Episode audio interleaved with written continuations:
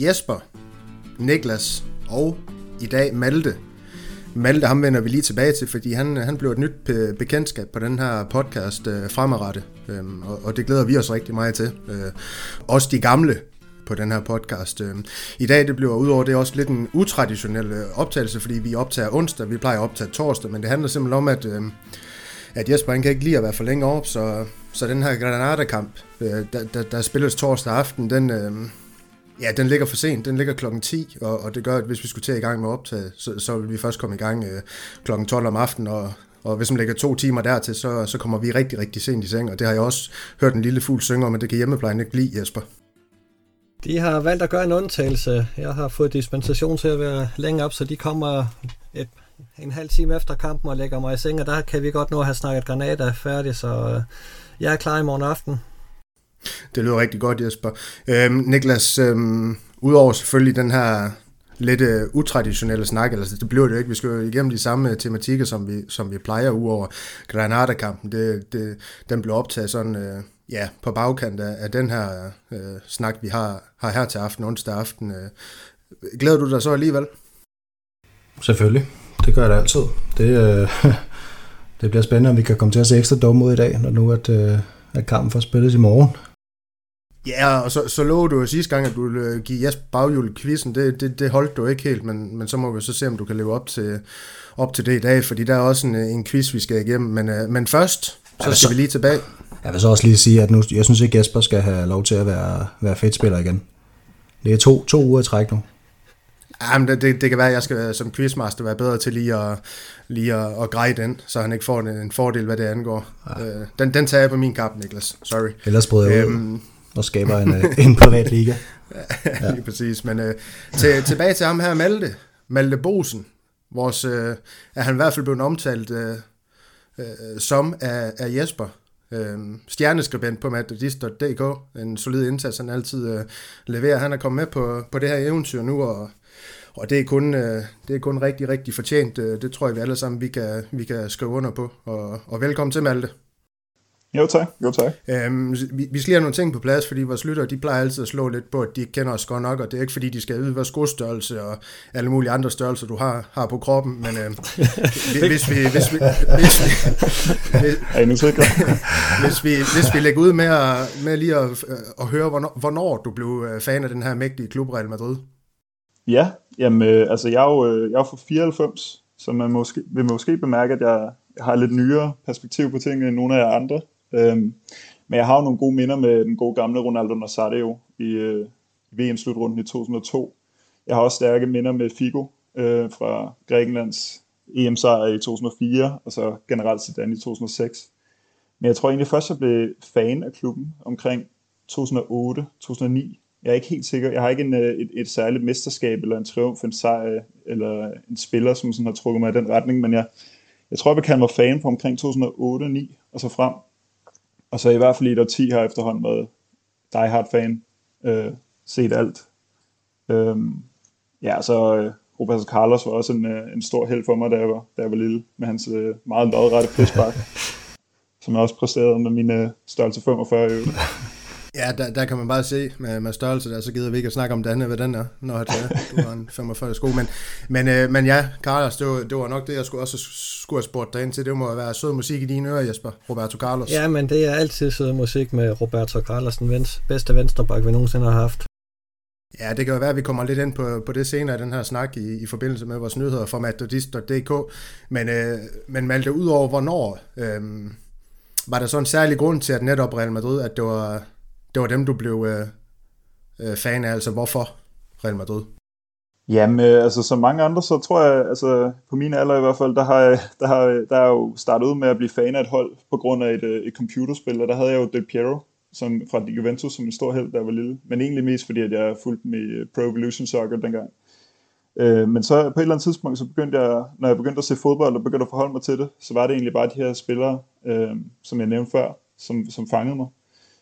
Øh, og så, øh, ja, altså Cannavaro kan jeg også huske, så det, jeg tror mest, det, det er spillerne, som sådan har trukket mig hen til klubben egentlig. ikke, ikke noget særligt ellers.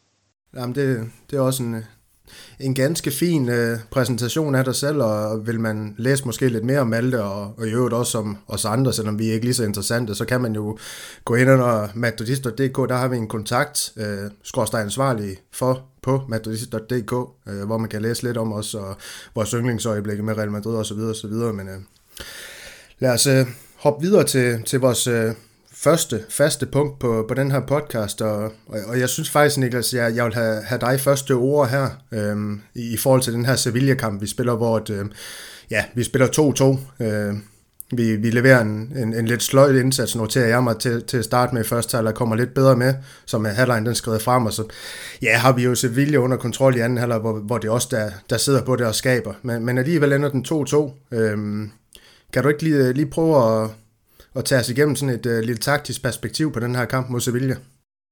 I sidste uge i podcasten, der øh, bad jeg Real Madrid om at have, have styr på boldbesiddelsen og, og passe på Sevillas dødbold i den her kamp. Og, og man kan sige, at Sevilla starter ud med at have bolden rigtig meget. Øh, spiller faktisk det spil, de altid plejer at spille, hvor at deres backs får lov til at gå rigtig højt op. Øh, minder om noget af det, som Real Madrid selv kan finde på, hvor backsene er faktisk meget dominerende i at strække modstandernes hold. Øh, vi selv forsøger at, at beskytte de to backs, Odriozola og Marcelo, ved at lade Vinicius og, og, og Fede Valverde komme helt ned på linje med midtbanen, når, når, når de angriber Sevilla. Men, men ja, faktisk frem til deres mål, så, så er det Sevilla, der sidder på det hele. Øhm, de scorer så det her det her ret flotte mål på en dødbold, hvor, at, øh, hvor Jesus Navas får slået et indlæg ind til, til Rakitic, som, øh, som, som viser øh, virkelig flot overblik ved at finde Fernando, og så, som bare åbenbart lige er blevet til Hugo Sanchez eller Gabriel Batistuta over natten, og bare tager, trækker og hugger den tørt ind. Det, det var et flot mål af en defensiv midtbanespiller. Så synes jeg sådan set, at Real Madrid de spiller med lidt mere intensitet bagefter. Begynder at ja, og presse lidt hårdere, og, og, og vi begynder at få overtaget på kampen. Øhm, den sidste halvdel af første halvleg, hvor at, at halvlejen slutter af med nogenlunde, nogenlunde lige boldbesiddelse, og i anden halvleg, der synes jeg jo sådan set, at Real Madrid har, altså spiller helt fint. Øhm, og det er et helt andet hold, der kommer ud. Der er højt pres på, øhm, meget aggressivt hold. Øhm, og det, det, det, det lykkes jo også at score, score et flot mål ved Asensio, hvor øh, Benzema han vinder bolden på, på midten af banen og fører den frem til Asensio, som, som finder Casemiro tilbage i banen, og han lægger den så første gang ind til, til Kroos, og da han gør det, der, der fortsætter han løbet ind i feltet og trækker faktisk tre mand med sig ude fra Sevillas venstre side. Og, og det efterlader øh, Marco Asensio fuldstændig fri, og så kan Kroos bare finde ham for, og så sparke den ind. Og så sker der jo det her med, med straffesparket, som jeg gætter på, at vi kommer til at tale uh, lidt mere om senere, det er jo, det er jo uheldigt, fordi jeg synes faktisk, uh, nu, nu skrev du til mig, Daniel, hvor er det Real Madrid er sårbar hen i den her kamp? Og jeg synes faktisk ikke, at Real Madrid er specielt sårbar i den her kamp. Jeg synes, at Chelsea, eller nu tager Chelsea, det er et traume, jeg har. Uh, Sevilla, de, uh, jeg synes sgu, de var ret tamme i den her kamp i virkeligheden. Jeg synes, at Real Madrid er langt bedre, end, end Sevilla er.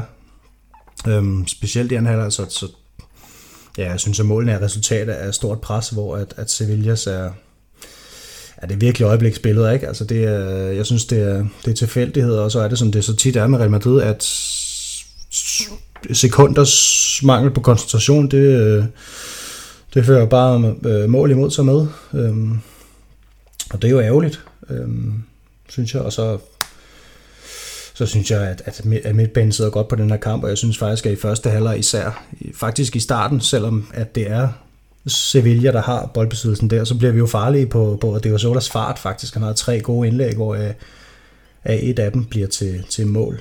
Øhm, så jeg savnede faktisk lidt, lidt, lidt spil i højre side i den kamp, når nu man har en kamp, hvor det lykkes, og hvor at, øh, hvor der Cunha og, og Lucas Ocampos på Sevillas venstre side, de begge to er ekstremt offensive. De, de, de to mest offensive spillere på Sevillas hold, som, som jo i øvrigt spillede uden en ren nier. Øhm, det var Papo Gomes, der lå helt forrest og havde en fri rolle øh, på papiret. Øhm, så savner jeg, at vi angreb lidt mere mod højre side, men, men sådan bliver det sjældent, når man har Karim Benzema, som altid lægger sig ud med venstre side. Øhm, så jeg vil sige, jeg var, jeg var skuffet i første halvleg og anden halvleg. Jeg synes jeg egentlig var, den, den, den var okay, og den var faktisk ret fin, men ja, der, der er jo nogle, nogle ting, som Real Madrid er uheldige med, og så synes jeg jo også, at Edna Hazard han kommer ind alt for sent i den her kamp. Han må gerne have fået en hel halvleg for min skyld. Ja, og i forhold til det her med, med angreb ned i venstresiden, så kan jeg se her, at 50 procent af alle Real Madrids angreb i den her kamp, det foregår ned over, over venstrekanten. Det siger jo lidt om, at man, som du siger, øh, hvor Benzema han trækker hen i banen, men også, at man jo mere spiller på Vinicius egenskaber, end man måske spiller på, hvad over højre kanten. Øh, kun 26 procent der af vores angreb, de, de, de kommer over højre kanten i den kamp. Øh, øh, og så noterer jeg mig selvfølgelig også det her med, at øh, af Sevillas mål. Øh, det første, de scorer, det er, så vidt jeg ved, også efter... Er det ikke efter en hjørnespark? I hvert fald en standard situation? Det, det er et frispark, som, som Casemiro måske begår, måske ikke. ja, ja så, så, så frispark også, men en standard situation, mm. der, der, der, der så fører til det, og, og det næste er jo et, ja, uheldigt straffespark, eller det, det kommer vi ind på senere, hvor uheldigt det, det, det så også var. Øhm, men, men det, det fortæller også en historie om, at Sevilla, de, de var jo ikke farlige i den her kamp. Det var tilfældigheder, der gjorde, at de fik scoret de her to mål mod Real Madrid. Men, men Niklas, hvordan, altså i starten på kampen her, øh, så du det som et, et taktisk udgangspunkt fra, fra Zidane, at vi skulle være afventende på Sevilla og se, hvad de ville komme med, eller var det Sevilla, der fik tvunget, om jeg så må sige, Real Madrid lidt uh, defensivt i, i, i form af deres uh, boldspil? Det var altid svært at sige. Det lignede næsten et valg, fordi at det, det, det giver så meget til Vinicius' spil, at vi, vi starter i en lavere, øh, i lavere udgangspunkt. Det, det giver ham rum bag forsvaret, det der, han går ud sin fart. Øh, og det samme er jo, det er jo Sola i den anden side. Han øh, er ikke verdens bedste højre bak, men han, han, er, han er meget, meget hurtig, og det så vi også 3-4 gange i første halvleg. Øhm, at, at tingene ligesom blev overledt til Sevilla, og så kunne man slå til på kontra. Karim Benzema har også en chance i starten af kampen. Men, men ja, lige så snart at Sevilla scorer, så ved jeg ikke, om det er dem selv, der trækker sig tilbage, eller om det er Real Madrid, der tænker, okay, det virker ikke det her. Men, men der, der, der får man jo overtaget, og har det faktisk resten af kampen derefter. Ja. Øh, og der synes jeg jo, at tingene ser bedre ud, i hvert fald. Ja, lige præcis. Men, og Jesper, lige for at få, for dit stemmebånd i gang også, så Niklas han berører det her med, at Hazard han blev skiftet ind meget, meget sent i kampen. Øh, jeg nægter simpelthen at tro på, at det, det var på grund af træthed, at øh, han kun skulle have, hvad, hvad blev det, 10, 10 plus minutter på banen, hvis det overhovedet var så lang tid mod Sevilla. Øhm, øh, hvorfor venter Zidane så lang tid med, med det her belgiske, i anførselstegn, S? Ja, det er jo i grunden også et godt spørgsmål, fordi jeg synes ikke, Vinicius fik uh, alt det ud af det, som, som jeg godt kunne have tænkt mig, han fik, så, så det, det havde været fint at, at lave lidt udskiftning. Det, det lykkedes jo meget godt med, øh, med, med Asensio øh, og, og få ham ind øh, med, en, med en hurtig scoring, men, men øh, jeg, synes faktisk, det, det var lidt ærgerligt, at han ikke fik lidt mere spilletid, også fordi han skal i gang. Altså, Hazard skal, øh, skal vi have mere ud af. Og, og han er jo et eller andet sted klar til det. Det er øh, efterhånden mange kampe, han har spillet i træk nu, øh, uden, øh, uden skader, så, så det tyder på, at han er ved at komme sig over, over det her skadeshelvede, han har været igennem, øh, og, og det, det kan vi da lige så godt udnytte. Ja, lige præcis, men 2-2, uh, Malte, hvad, hvad, hvad synes du om den her kamp mod, mod Sevilla? Hvad, hvad for en følelse sad du med efter kampen? Var det irritationen over, ja, jeg ved snart ikke hvad, nu, nu kommer vi hen på, på var senere, så det skal vi nok prøve at parkere lidt, men var, var det irritation over at tabe, det tabte point, eller en glæde over, at vi overhovedet fik et point i den her kamp? Jamen altså, det var med en glæde, fordi øh, uden målet, som Hazard jo får pareret ind med sin ankel der, der, øh, der skulle vi jo både have Atletico og Barca til at smide point. Men, øh, men nu slap vi jo så med, at det kun var Atletico, og de smider så forhåbentlig point her senere i aften. Øh, så, så det er jo en glæde, men det er jo også en irritation, fordi med, det, med den her chance til Benzema, som bliver til straffespark, ikke? altså der sidder man jo, og, og, altså det kommer en periode, hvor man føler, at Real er godt styr på tingene, og, øh, og vi skal bare sparke vores chancer ind. Øh, og i øvrigt også en helt vanvittig situation, at han får lov til at få en friløb fra midten, altså det viser jo også, at Sevilla de satser på det tidspunkt. Øh, og så bliver det tilbagekaldt. Altså det er jo skrækkeligt, og især fordi vi har, altså, vi har så, mange, så meget besvær med at, at score mål i hele sæsonen. Altså så skal vi op og score to gange mod Sevilla hold. Men når målet kommer så sent i kampen, og, altså, så kan man ikke andet end at være glad. Det synes jeg ikke. Nej, og, og man kunne også se på, på Kroos, selvom Hazard han blev noteret for, for den her kasse, som du også berører, øh, Malte, at øh, der, der, der var noget glæde, der skulle Toni Kroos, da, da den blev sat ind til 2-2, uanset om det var ham eller Hazard, der blev krediteret for, for scoringen. Øhm, øhm, men i forhold til, til glæde, var der, var der så glæde på, jeg har jo bedt dig om at kigge lidt på, på nogle pointer fra noget pressemøde, Malte. Var der, var der glæde at spore på sit dansk pressemøde efter kampen, eller eller, eller var det en anden uh, Zidane, vi fik at se der?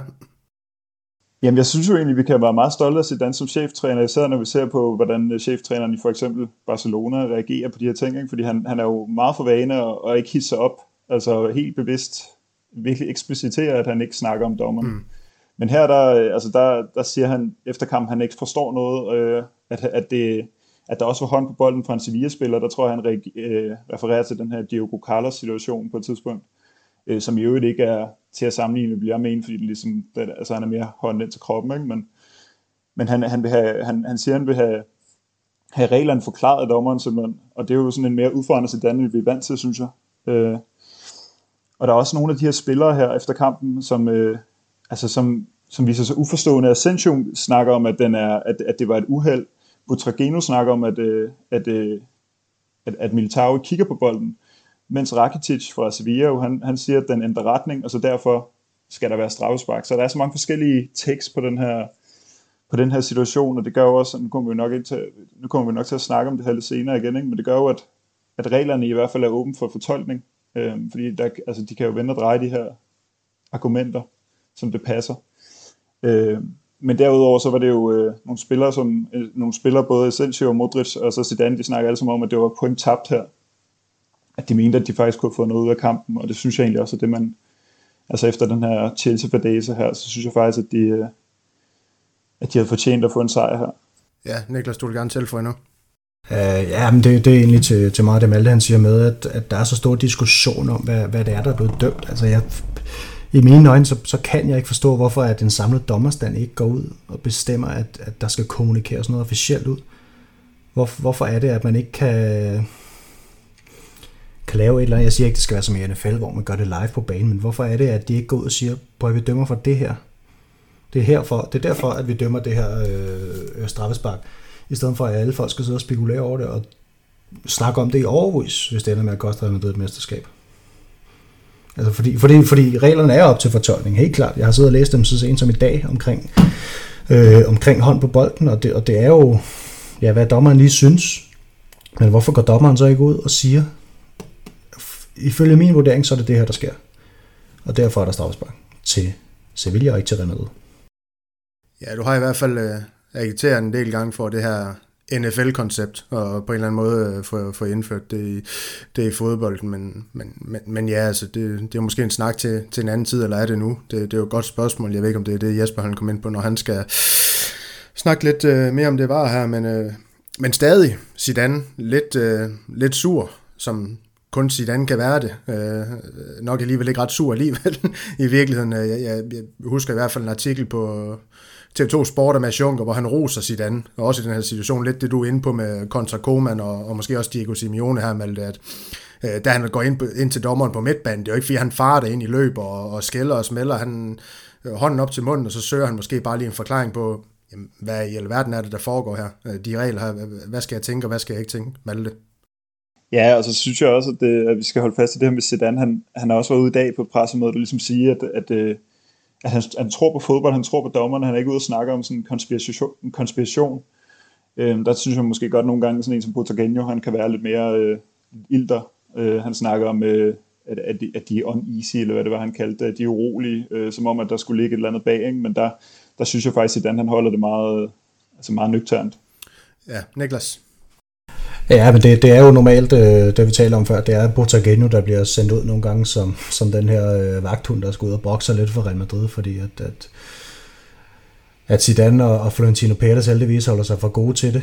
Øhm, og ja, som, som, som alle siger, så synes jeg godt, at vi kan være stolte af vores chefstræner og vores klub i det hele taget, for ikke at gøre en stor sag ud af det her som sådan. Altså, vi, hvis vi husker det seneste klassiko, så var, så var Barcelonas øh, ja, var det ikke deres Twitter-profil, der var ude og lave et promoveret tweet omkring, hvor snydt Ronald Koeman han følte sig efter den kamp over absolut ingenting. Så, ja, så jeg synes, at man skal, man skal sætte pris på, hvor stilfærdigt det går, går af sig i Real Madrid, sådan nogle ting her. Ja, lige præcis. Men, men, men jeg tror, for, for at parkere det her med pressemøden, så jeg spilleren de ret, øh, har ret. Jeg, jeg tror også, det vi som fans sidder med, at vi, vi tabte to point i den kamp her. Det var en kamp, vi, vi skulle have vundet, så kan man sige, jamen, der er rigtig mange har jeg kunne se på Twitter også på vores egen, der har følt sig ja, nærmest frarøve de her to point af dommeren. Men Jesper, det kan du måske sætte os uh, lidt mere ind i. Jeg ved ikke, uh, nu, nu snakker uh, øh, Niklas om, at El Butre, uh, Butaginho, han var Real Madrids vagthund ud af til. Er du så uh, griben på den her podcast? Er du Madridista.dk's uh, uh, vagthund? Eller hvad, hvad er dit syn på det her ja, var og, og, og den her kendelse Militao-Benzema? Ja, min holdning har jo hele tiden været, at, at var det er noget, fanden har skabt, og det skal ud af fodbolden hurtigst muligt. Og jeg må sige, at efter weekendens kamp, der har det jo ikke ændret sig. Altså, det er et, et misfoster i den anden verden, og det fungerer bare ikke. Altså, de tvivlkendelser, der har været fra dommerne, dem har man bare flyttet ned i varerummet, og så er det deres kendelser, man sætter og diskuterer og brokker sig over.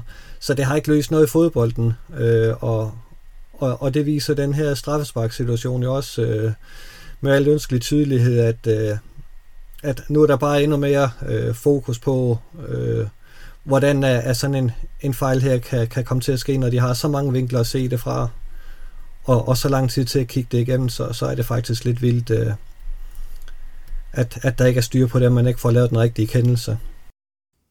Ja, fordi hvad, hvad, altså efter din vurdering kan jeg næsten forstå, så den rigtige kendelse, det vil være, at, øh, at der ikke har været noget øh, på Militao der, og, og så Benzema har fået strafspark op i den anden ende. Jamen det, det er jo lidt skægt, fordi da jeg, da jeg sad og, og, og så øh, kampen, der tænkte jeg, jamen, det er jo rigtigt nok, der er, er straffe til Sevilla, og, og det er skide ærgerligt, at vi selv lige øh, får et, et strafspark, og så er det ned i den anden ende, det skal tages. Øh, øh, der, der tænkte jeg, det, det var en fuld korrekt øh, kendelse og, og, og rigtigt.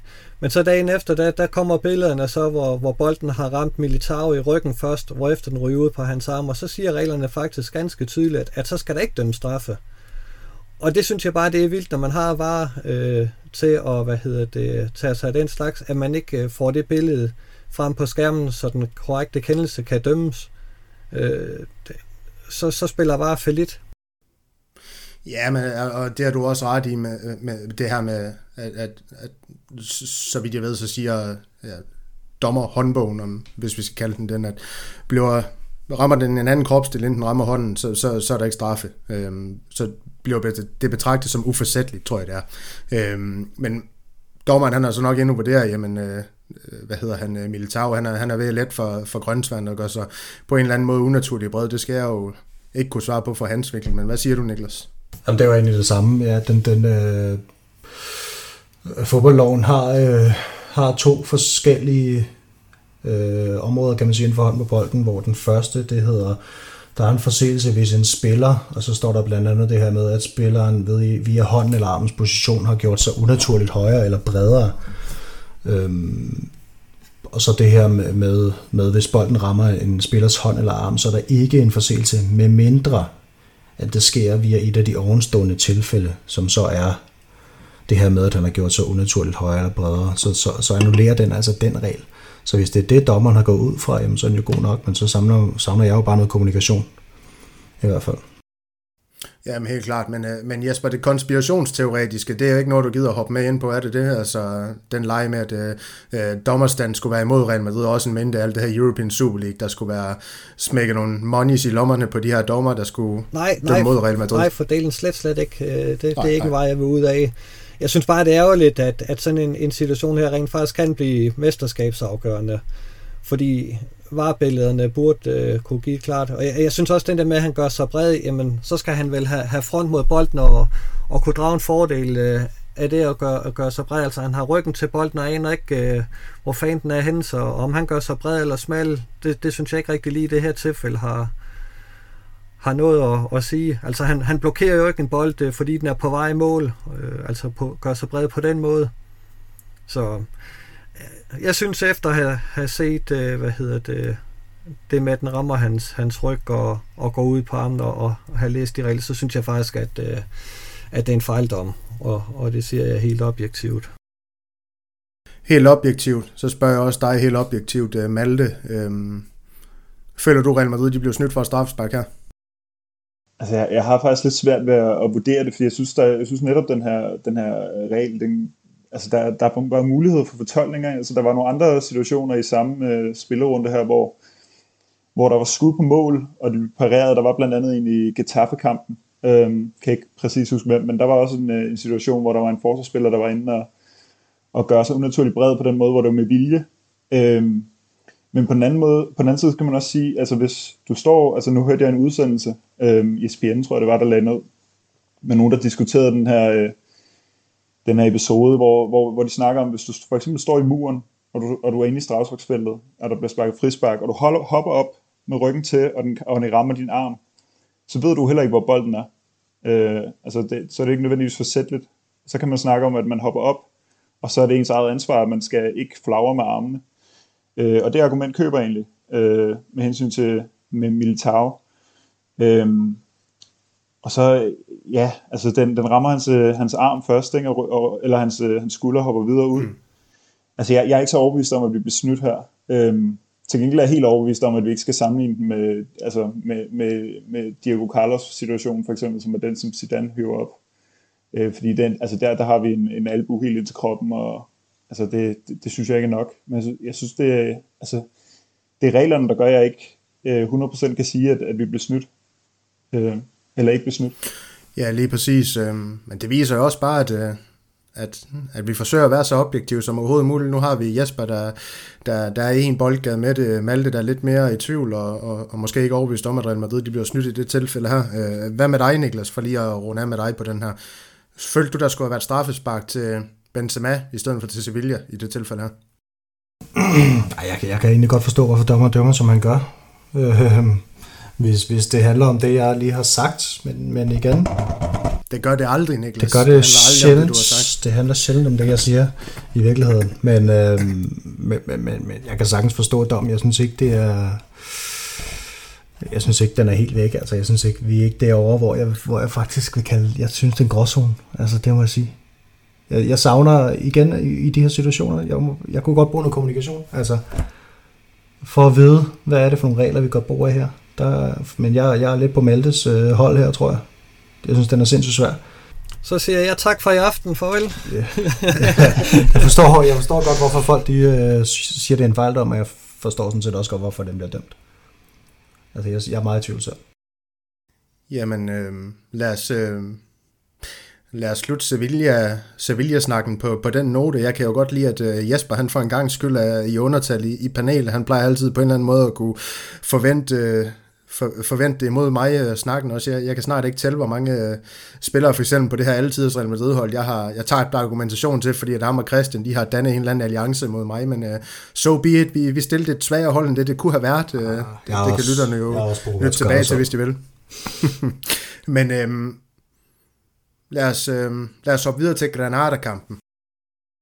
Og Jesper, det er jo lidt blevet vores opgave at pakke den her Granada-kamp ud. Vi var de eneste to, der kunne holde os øh, vågen sådan en, øh, en torsdag aften til lige at, at snakke den her igennem. Det betyder også, at øh, de næste 15, 20, 25 minutter, der, der kommer I ikke til at høre noget fra øh, Niklas og, og Malte i den podcast her. Øh, den her snak, den kommer til at stå lidt for sig selv som en, ja, en, en, en lille lækker sag for sig selv i den her lang, lang snak, vi har haft, I, I kommer til at høre i podcasten, men Øh, Øh, det, det, det, det går nok også. Vi kommer til at snakke den her Granada-kamp lidt i bund, og så kommer vi også til at, at kigge lidt på ja, det her meget, meget tæt øh, titelræs, øh, der, der stadig er i gang, og, og, og som kende både til, til Atletico Madrids fordel, Barcelona så, og Real Madrid stadig, så, så det er ganske interessant. Men Jesper, den her Granada-kamp, øhm, jeg, jeg synes, vi skal prøve at starte med at kigge på det, Zidane han, øh, han, øh, han præsenterede øh, for os en time, time inden kampstart, altså den her startopstilling. Der var, en, der, der var et par overraskelser, vil jeg mene. Altså Marvin Park på den her højre bak, Miguel Gutierrez, måske ikke en overraskelse. Øh, og så dog øh, på venstre bakken. Og så havde han også valgt at, at smide Rodrigo ind i dag. Altså, hvad, hvad synes du om øh, det her udgangspunkt, han, han lagde for dagen imod uh, Granada Zidane?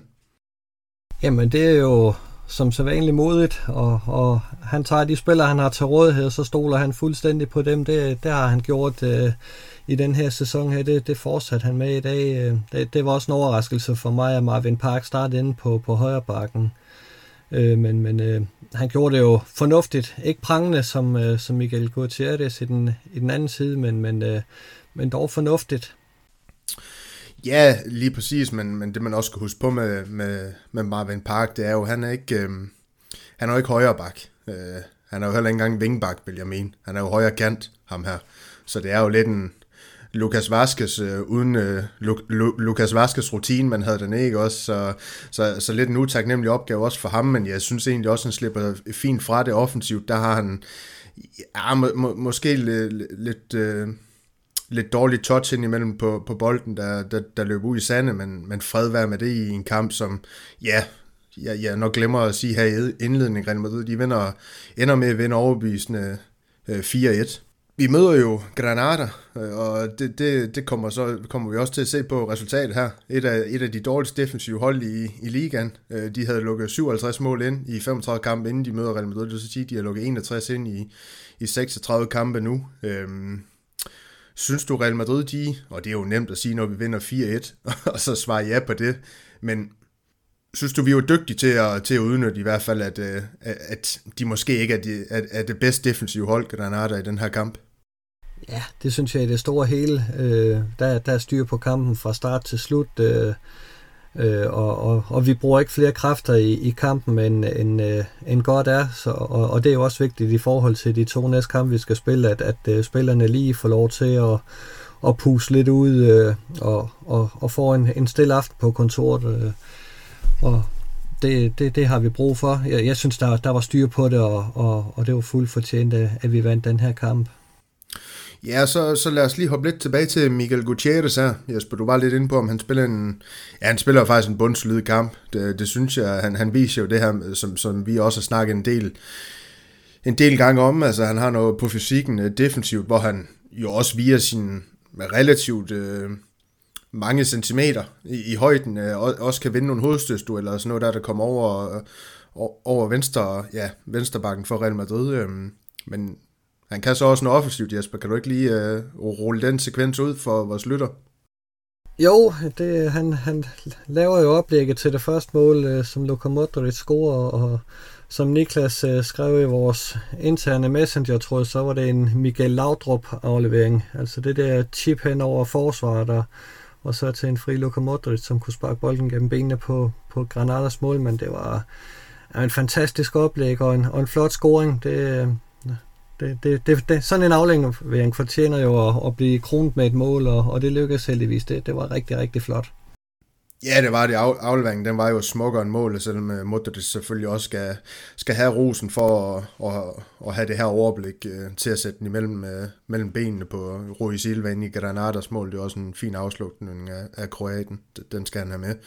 Øhm, Mikkel Gutierrez, han, han, han viser jo bare igen her, at øhm, han muligvis er, er fremtiden på, på den her venstreback i Real Madrid. Altså man kan jo sige, at øh, det her, det, det må jo give ham oceaner af selvtillid. Ja, det, det gør det helt sikkert, øh, øh, og, og øh, det, det ligner han jo en, der havde allerede, da han gik på banen. Altså, han ligner en, der har været med i, i rigtig mange kampe i den her sæson her. Øh, det, det var det, meget rutineret, hvad han foretog sig, og han går jo godt med og er ikke bange for at, og spille bolden i, i pressede situationer er noget. Det, han er et, et vildt spændende talent, det, det må man sige.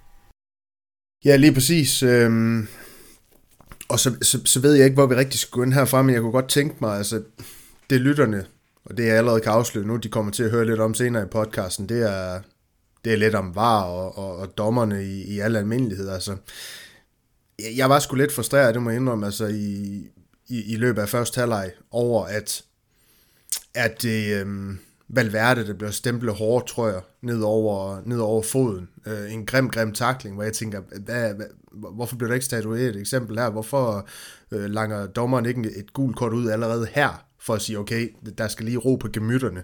Og så tror jeg, det er Marvin Park, er det ikke det, øh, der bliver trådt ned over, hvad der ligner kildesælen øh, fra, fra Matisse. lidt utilsigtet godt nok, men alligevel, det er så noget, hvor vi har set Modric for, for rødt kort for, for samme ting, øh, godt nok et var det i sidste sæson øh, mod Celta Vigo, eller forrige sæson, men, men stadig, altså, hvad, hvad, hvad, altså, er, er det ikke lidt svagt dommerarbejde, øh, set i bagspejl? Øh, der, der er i hvert fald nogle af de taklinger, som var ganske voldsomme, og, og som godt kunne have, have givet lidt mere. Der var også en på Hazard i, i anden halvleg, da, da han kom ind, øh, der også blev, blev stemplet lige ned over, over foden. Øh, øh det er nogle, nogle situationer, der kan, kan udvikle sig ganske farligt, og, og, og der, der kunne dommerne jo godt gå ind og beskytte spillerne lidt bedre. Ja, ja, lige præcis. Men, men ellers så noterer jeg mig, Jesper, at vi har i den her kamp rigtig mange øh, gode angreb. Øh, jeg synes egentlig, vi spiller med, med, med fine idéer offensivt. Det kan godt være, det er fordi, vi også får en del plads at spille på i, i omstillingerne af Granada. Det skal jeg være usagt, men altså, vi får nogle fine omstillinger. Benzema med sin løb, han skaber plads til både Rodrigo og Vinicius flere gange. Lidt ærgerligt, at og ham kan vi måske godt øh, ret lidt fokus mod nu. Øh, den ubeslutsomme, som han blev refereret til en del gange i, i løbet af kampen af Andreas Vinicius. Hvad siger du til hans præstation i dag? Jamen, det var jo desværre lidt som det plejer at være. Altså, han går jo fint med i, i spillet og, og har også noget fart, men, men når det så kommer til de her afslutninger, så bliver det lidt forkølet, øh, og det, det er vældig ærgerligt, øh, øh og, og, og faktisk lidt symptomatisk, at øh, i slutningen af anden halvleg, der har han en, en afslutning, som, som er lige på, på Granadas målmand, og så få øjeblik efter, der er det Rodrigo, som er alene igen, og, og han scorer jo bare øh, på, på en rigtig flot afslutning fra en lidt øh, spids vinkel, og, og det er jo øh, forskellen på, det, på de to øh, lige i, i den situation der, at, at den ene han klapper den altså bare ind, og den anden han, han skal bruge lidt flere forsøg og lidt flere kamp.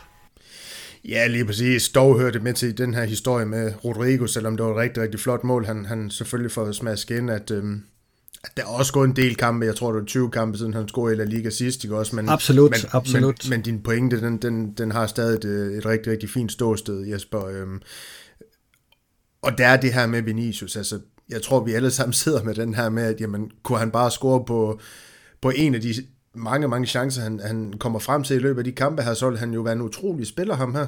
Altså, der skal jo ikke meget mere til, end han får øh, banke, ja, ja, den her øh, situation, du, øh, du snakker om ind, altså, hvor Benzema, han skaber noget, øh, noget, noget frirum til ham i midten, hvor han øh, skyder den lige på Rui Silva, Granadas målmand, og så er der den her i anden halvdel, hvor Modric han sender en bold igennem benene på en, ja, en Granada forsvarsspiller, tror jeg det er, øh, spiller, spiller Vinicius dybt, hvor han godt nok med venstreben ben også langer den lige på, på målmanden. Lidt svær afslutning, måske også teknisk, men, men, men, men det er bare, at han kommer frem til nogle ting, Vinicius i løbet af kampen, og kunne han der ikke bare få scoret på en enkelt chance ind imellem, ikke også, så, så vil det altså begynde at se rigtig, rigtig godt ud. Det vil det.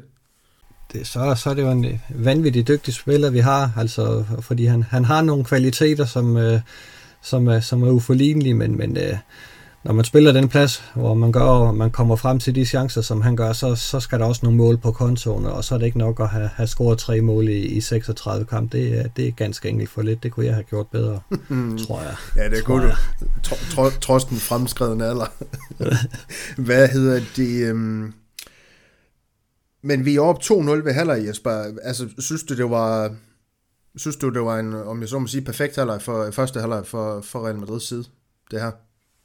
Ja, det, det, det synes jeg egentlig alt taget i betragtning, så, så er der jo styr på det, det Granada kommer ikke frem til, til det hele store, og vi får selv skabt en del chancer, og, og, og får øh, dejligt scoret lige, lige inden pausen, øh, der, der er jeg med kongens far, at, at det er et godt tidspunkt at, at score på. det, det er svært at argumentere imod i hvert fald, at det altid er godt at komme, øh, komme op med i hvert fald øh, ja, både en og to inden, inden halvleg, også? Øh, så i, til anden halvleg start, der, der laver han en øh, indskiftning af Odrio Sola, tager Marvin Park ud. Øhm, tror du, det, hvad var det et udtryk for? Var det et udtryk for, at øh, Marvin Park han bliver skadet i den her øh, sekvens, jeg snakker om, hvor han blev stemt af Mathias, eller tror du, det var en planlagt øh, helt fra start, at Odrio Sola han skulle have, have 45 minutter i, i stængerne i den kamp her? Ja, det kunne jeg måske godt forestille mig, det var, fordi det, det bliver nok højere bakken øh, til, til de to sidste kampe øh, i, i La Liga. Øh, og, og han gjorde det jo øh, igen godt. Altså, øh, han er blevet kritiseret for meget, men, men øh, et eller andet sted leverer han jo varen øh, øh, igen i dag. Han, han, han gør det godt både defensivt og offensivt, og, og kroner også indsat med en scoring, så, så det er jo svært at, at være efter ham lige i øjeblikket. Jo, jo, det skal vi heller ikke... Øh Altså, vi skal heller ikke se os for gode til også at kunne, kunne rose spillere, vi har været efter og smidt i middelhav, hvad vi ellers nu har gjort med Odrio Sola i, igennem tiden. Altså, han skal også rose, ros, når han gør det godt, og, og, og det har han jo i en, jeg vil ikke kalde det en længere periode, men i hvert fald nogle kampe her på det seneste, hvor han har, har fået øh, øh spilletiden i, i mangel af spillere herude på den højre bak her, så det er jo bare, ja, prisværdigt øh, rart, han gør det, og, og det kan måske også øge hans øh, salgsværdi til sommer, hvis det er, en, øh, hvis det, er en, øh, ja, det, man arbejder i for Real Madrids side. Ja, helt sikkert. Øhm, Zidane, han, øh, han laver sådan en tredobbelt indskiftning i, i løbet af den her anden halvleg, Jesper. Asensio, Isco og Hazard, de kommer på banen. Øh, er det Vinicius, øh, Valverde og Rodrigo, han piller ud der. Ja. Øhm, hvad var dine tanker om det, øh, og hvordan synes du, altså jeg, jeg har noteret mig, jeg synes faktisk, at Real Madrid, de, altså balancen på holdet, den, den, den ser lidt øh, shaky ud øh, i minutterne efter de her, de kommer på banen, og det er måske også naturligt nok, men hvad, hvad var dit sådan indtryk af, af det, der umiddelbart udspiller altså, sig efter de kommer på banen? Ja, det, det var vel øh, en, med tanke på, at, at, at øh, i hvert fald Fede Valverde lige er kommet tilbage fra, fra noget skades, eller måske ikke øh, kan tåle en hel kamp, og, og så få lidt nyt liv på, på fløjene, hvor Rodrigo og, og Vinicius, øh, der var ikke så meget mere i dem. Øh, så, så, det, så det var vel fair nok at, at få Asensio og Hazard ind. De har jo også øh, gjort det godt i, i deres seneste optræden, så, så det var fair nok, at de fik spilletid også. Øh. Ja, lige præcis. Øh, men, men, men der sker jo så, så det, at, øh, at øh, Granada, ikke ret lang tid efter, at de her tre spillere, de er skiftet ind, så, så vidt jeg lige husker det, for at reducere til, til 1-2 ved, ved, også med en lidt ældre spiller, Molina. Det er, det er Courtois, der, hvis jeg kalder det halsløjt målmandsspil, Jesper. Nu har vi også Ros Courtois Maja, han har også en, en rigtig, rigtig fin redning på ham her, Kina eller Quina, efter 85 minutter, ikke også? Men det målmandsspil, han, han disker op med øh, i, i første omgang, der, der, der giver Molina returen, som han nemt kan sætte i kassen. Hvad siger vi til sådan noget? Jamen, det var, det var slet ikke godt nok, og, og på det tidspunkt havde jeg ham faktisk til at være kampens badebold. Øh, det kan være, det er mig, der skal skrive referatet i morgen, og, og jeg må sige, øh, jeg havde ham, øh, jeg havde ham på bloggen, men, men så laver han jo et par fantastiske redninger til sidst, så det kan godt være, at jeg skal hen og finde en, en helt anden spiller og, og give den her titel, men, men det, det var slet ikke øh, godt, og det er, jo, det er jo ikke det, man lige forventer fra Courtois, som, som jo i øjeblikket er verdens bedste målmand. Nej, lige præcis, men, men, men heldigvis så er det også... Øh, så, så kom der en hurtig trodsreaktion på en eller anden måde. Det var ikke fordi, at, øh, at Granada, de... Øh, ja, faktisk virkede til at kunne, kunne følge op på den her scoring. Øh. Nej, der, der er Real Madrid trods alt lidt for, for rutineret til, at de, de lige lader sig gå på det. De, de strammede lige skruerne, og, og, og så fik de den kørt hjem. Det, det var meget professionelt. Ja, lige præcis. Vi, vi, vi går ikke ud og laver en... Øh, er du for mig at sige Barcelona? Nu skal vi også passe på ikke at drille valerne alt for mig, eller skal vi? Det ved jeg ikke engang, vi skal. Øh, men øh, Hazard, han får lavet en assist i den her kamp til Odriozola, hvis vi lige skal tage lytteren igennem den. Altså, jeg noterede mig, at det var et, et mål, der, der kommer i kølvandet på en, en faktisk en masse flot boldspil på, på banen, øh, rolig boldspil, øh, tålmodighed, øh, hvor Hazard han så får den her, her bold og sender den tilbage i feltet til ja, en fremadstorm med Odrio og Sola. Ja, og, og, og det er jo en af de ting, han har været god til øh, i nogle af de kampe, han har været med i, det er at komme med i feltet også, øh, og, og det, det er jo rigtig fint, det, fordi der, der mangler vi er til folk, så, så hvis han kan komme ind og være med det, så, så er det jo dejligt. Ja, lige præcis. Og så 4-1-mål, det bliver, det bliver så scoret af, af Benzema efter et militært gigantisk målmandstrop af Rui Silva, der, jeg ved ikke, altså han er ikke Manuel Neuer i hvert fald, lad mig sige sådan. Øh, eller Courtois for den sags skyld, men den her måde at blæse ud øh, midt på egen banehalvdel, og så Ja, jeg ved ikke, hvad han prøver på. Han prøver på at sparke til bolden, men det, det kom bare til at se så dumt ud. Og, og ja, det, det, det var jo helt håbløst. Øh, altså, synes man, at Courtois lavede et drop, så ved jeg ikke, hvad vi skal kalde det her. Det var jo helt... Øh, det var helt sindssygt. Ja, det var skidt målmandsspil, men, men det resulterer jo så i, at Benzema han får, får scoret mål mere i den her sæson, så det kan vi altid klappe i vores, øh, vores små hænder over. Øh, og så, øh, så tror jeg egentlig, jeg vil... Altså sådan kampen kamp i al almindelighed slutte den af med. Altså nu, nu har vi jo optaget vores Dandy og, og Dudo og Vajadia og Krak og sådan noget der, men altså der er også noget...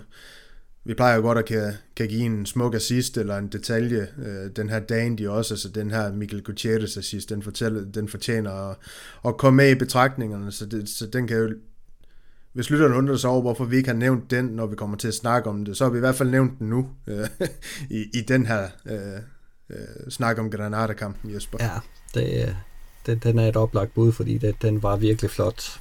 Ja, lige præcis. Og hvis vi skal kigge lidt øh, frem, Jesper, det, det kommer vi også til at gøre senere i den her øh, ja, podcast, øh, som, som den her snak, den også er en del af øh, på sæsonafslutningen. Men nu ved vi, at vi har vundet over Granada. Det betyder, at ja, vi, vi stadig er to point efter øh, bysbørnen Atletico Madrid. øh, med to kampe tilbage. Barcelona, de er, er point med os. Øhm, Nej, de er to point efter. Barcelona er to point efter os. Øhm, så øhm, altså, det ser selvfølgelig godt ud. Vi kan ikke selv afgøre det, men øhm, altså, er, er der håb for det mesterskab her, Jesper? Tror, tror du på det? Altså, det, det kræver jo, at uh, Atletico Madrid, uh, jeg vil ikke sige fuck op, men, men i hvert fald uh, spiller uafgjort i en af de sidste kampe, og vi vinder de resterende to.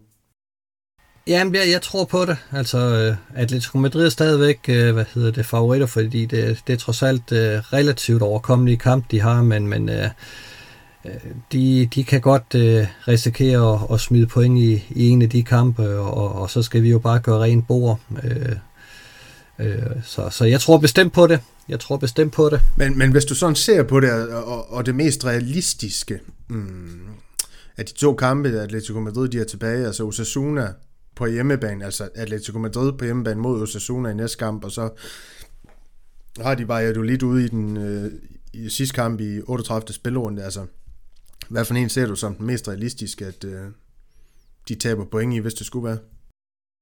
Der er faktisk lige ved at sige, det er den næste kamp herhjemme øh, mod Osasuna, fordi de leverer nogle, nogle gode resultater. Øh, jeg synes, øh, at Valladolid ser lidt, øh, lidt rystet ud i øjeblikket, øh, og jeg kan godt frygte, at, at hvis de skal ud og, og vinde den sidste kamp, at de så får, får gummiben og, og, og faktisk eller bliver kørt over Atletico Madrid. Så, så det kunne godt være i den, i den kommende weekend her, at, at vi skal spille os på førstepladsen, hvis det skal lykkes. Ja, og det er jo det fede ved den kommende weekend, at, øh, at alle kampene de bliver, de bliver spillet søndag kl. kl. 18.30 øh, i, i den spillerunde, 37. spillerunde, så, så det er jo det er jo så, så man ikke kan, om jeg så må sige, spille på resultaterne. Det er jo, som jeg har sagt, Real Madrid, de kunne jo også med en sejr over Sevilla have, bragt sig på førstepladsen. Øh, så, så, så, så det er jo nødvendigvis ikke en, en fordel, men nu sidder jeg med statistikken foran mig, og, og uden at sige for mig, så, så har Atletico Madrid øh, statistisk et godt tag i jo både Osasuna og, og Valladolid, men ligesom dig, så, så tror jeg hende lidt på det. Øh, jeg mener ikke, at Atletico Madrid de har set øh, altså videre skræmme nu, det synes jeg heller ikke, de gjorde imod mod Real Sociedad. Det jeg så den kamp der, det var ikke kun det sidste, hvor Real Sociedad, de selvfølgelig pressede på for, for 2-2 også. Øhm, Real Sociedad, de, øhm, de spillede faktisk en, en god kamp mod Atletico Madrid, selvom at ja, de, de ender med at tabe, men øhm, altså du tror også på, at Real Madrid de kan gøre rent bord her i de sidste kampe, altså mod Atletico Klub og Villarreal, det er jo ikke uæffende modstandere, vi skal op mod der, altså det er jo, det er jo to stærke, stærke spanske hold. Jamen det, det er det da bestemt, og, og det skal tages meget seriøst, men, men jeg synes, øh, i forhold til, til de seneste uger, så synes jeg faktisk ikke, at Real Madrid-spillerne virkede træt i, i den her kamp. Det virkede som om, der var en, mm. en lidt ekstra energi, øh, og det er jo vigtigt i hvert fald, at man kan tage det med ind til, til de to sidste kampe. Det var dejligt, at Kroos han øh, sad ud hele øh, kampen i dag, fordi han bliver nok vigtig i de to sidste kampe. Øh, så, så han lige fik lidt ilt på bænken. Det var, det var fint ja. efter en lang sæson. Ja, det var også en væsentlig pointe, som vi ikke lige fik berørt under kampen, så godt du lige trækker den ind der, øh, Jesper. Hvad, hvad med Barcelona i den her uh, topstrid? Skal vi regne dem fuldstændig ude nu? Altså, det kræver jo nærmest en mirakel, hvis de skal vinde mesterskabet.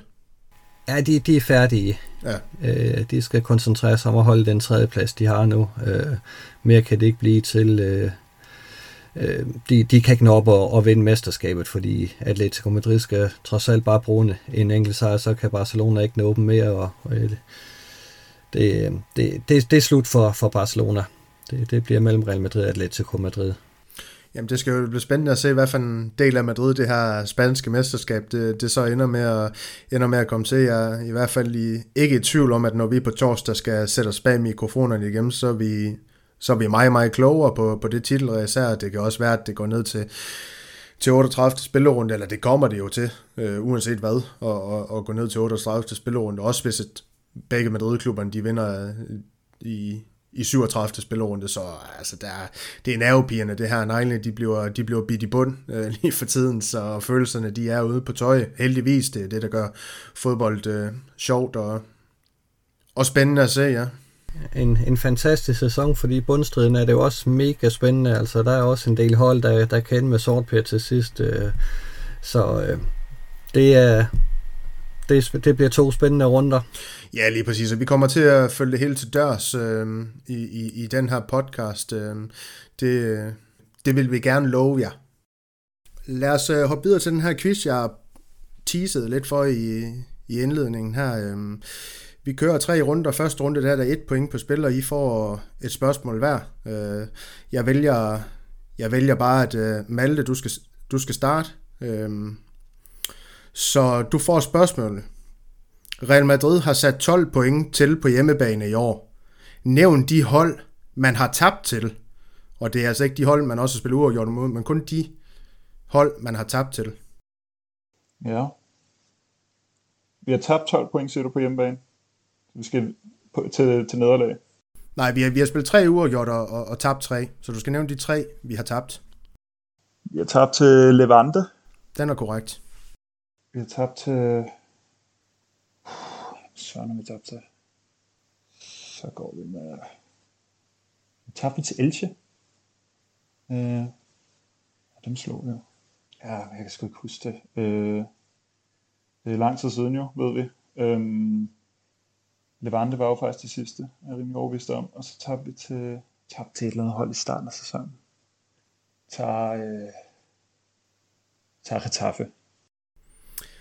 Du, øh, I andre, I får ikke lov til at stemple ind, sådan, sådan fungerer det ikke i dag. Det er, jeg så Niklas, han havde en finger i hver, men det kan han gøre lige så mig, han vil. Det kan være, han vil til at måle, hvilken øh, vej vindretning den er inde i hans lejlighed. Men øh, Malte, du, du havde desværre kun én rigtig, og, og det var Levante. De, de to andre hold, vi har tabt til i den her sæson på hjemmebane, det er øh, mægtige Cardis og, og lige så mægtige Alaves. Ej, hvad er det rent? Real Madrid? Nej, det ved jeg ikke. Jeg har præsteret dårligere. Nå, når Real Madrid? Ja, jeg har også præsteret dårligere end Real Madrid, så det, det skal ikke hedde sig. Øhm, Jesper, så kommer du på banen her. Yes. Og det, og det gør du med faktisk øh, noget stats fra Sevilla-kampen. Øh, jeg ved jo, hvor meget du elsker stats, så det er lige et spørgsmål for dig. Øhm, Real Madrid havde 16 taklinger mod Sevilla. Vellykket. Jeg skal bare have navnene på de tre spillere, der lavede flest, og de havde lige mange hver. Øhm, jeg, jeg har så givet dig, øh, øh, øh, ja, hvad skal man sige, en lille fordel ved at, ved at sige, at øh, hvis du bare gætter to af dem her, så, så er der point på kontoen. Så to og tre spillere. Så siger jeg, så siger jeg to brasilianere og en uruguaner. Fede, Valverde og Casemiro og Militao. Det var, det var to brasilianere. Casemiro var den ene, og så var Real Madrids historiens bedste vensterbak, den anden, altså Marcelo. Nej. Øhm, og den sidste, den havde du også fat i, det var, det var Valverde, så du får de to af de tre, og det vil så sige, at du har, har fået et point på kontoen, og nu går det op for mig, det må jeg nok også notere et eller andet sted, øhm, så, så det gør jeg lige her i et notat. at jeg rent faktisk fik et point. ja, det, det, det er verdens øh, ja, ja, er det verdens historie? Nej, det er det sgu nok ikke. Du, du plejer egentlig at, at det burde være det. De det burde være det. Ja, det burde være det. Det burde være det. Men du plejer jo at, at blive løftet øh, i de her quizzes, så lidt hjælp skal det også til. Niklas, ja. så, er det, så er det dig. Hvilken spiller under Zidane har scoret flest mål fra bænken? du skal bare gætte spilleren, du skal ikke gætte antallet af mål. Nej, okay, fedt. Ej, så bliver det nok nemt. ja. Nå, jo, jo, men altså, jeg tænkte første runde, det skulle være nemme spørgsmål. Det synes jeg, altså, okay. jeg har fået. Ja, ja, det er selvfølgelig, selvfølgelig. Flest mål fra bænken. Jeg, jeg vil gerne sige, at han har været nævnt i dag. Uh, så siger jeg sgu Asensio. Okay, det var åbenbart en for stor hjælp. Men det er Asensio simpelthen. Fedt. Han har, han har lavet otte basser fra, fra bænken øh, under Zidane, og det viser også det her, vi har snakket rigtig mange gange om, at øh, han måske er en, en, en bedre, hvad hedder sådan noget, super substitut, ja, en, super end han er en, øh, en egentlig stamspiller. Den, øh, den spanske Ole Gunnar Solskjaer. ja. Så bliver det ikke smukkere. Op og ned af dage. Så, så, Morten Nordstrand. Og så runder vi quizzen af på de navne der. Og vi skal videre til nogle uh, nyhedsartikler fra metodist.dk. Og her er det interessante jo faktisk, at uh, I, har, I har valgt tre forskellige artikler, men de har udgangspunkt i, i, i samme linje. Øh, på holdet, altså bagkæden. Så, men, øh, så vi kommer til at snakke lidt om, øh, lidt om forsvar i dag under, under de artikler, og så må vi se, hvor ja, øh, snakken den, den driver os hen med det. Øhm. Niklas, jeg synes, du skal have lov til at lægge ud. Du har valgt den her fem måneder siden, at Zidane sidst kunne stille med sin stærkeste bagkæde. Hvorfor er den særlig interessant, synes du?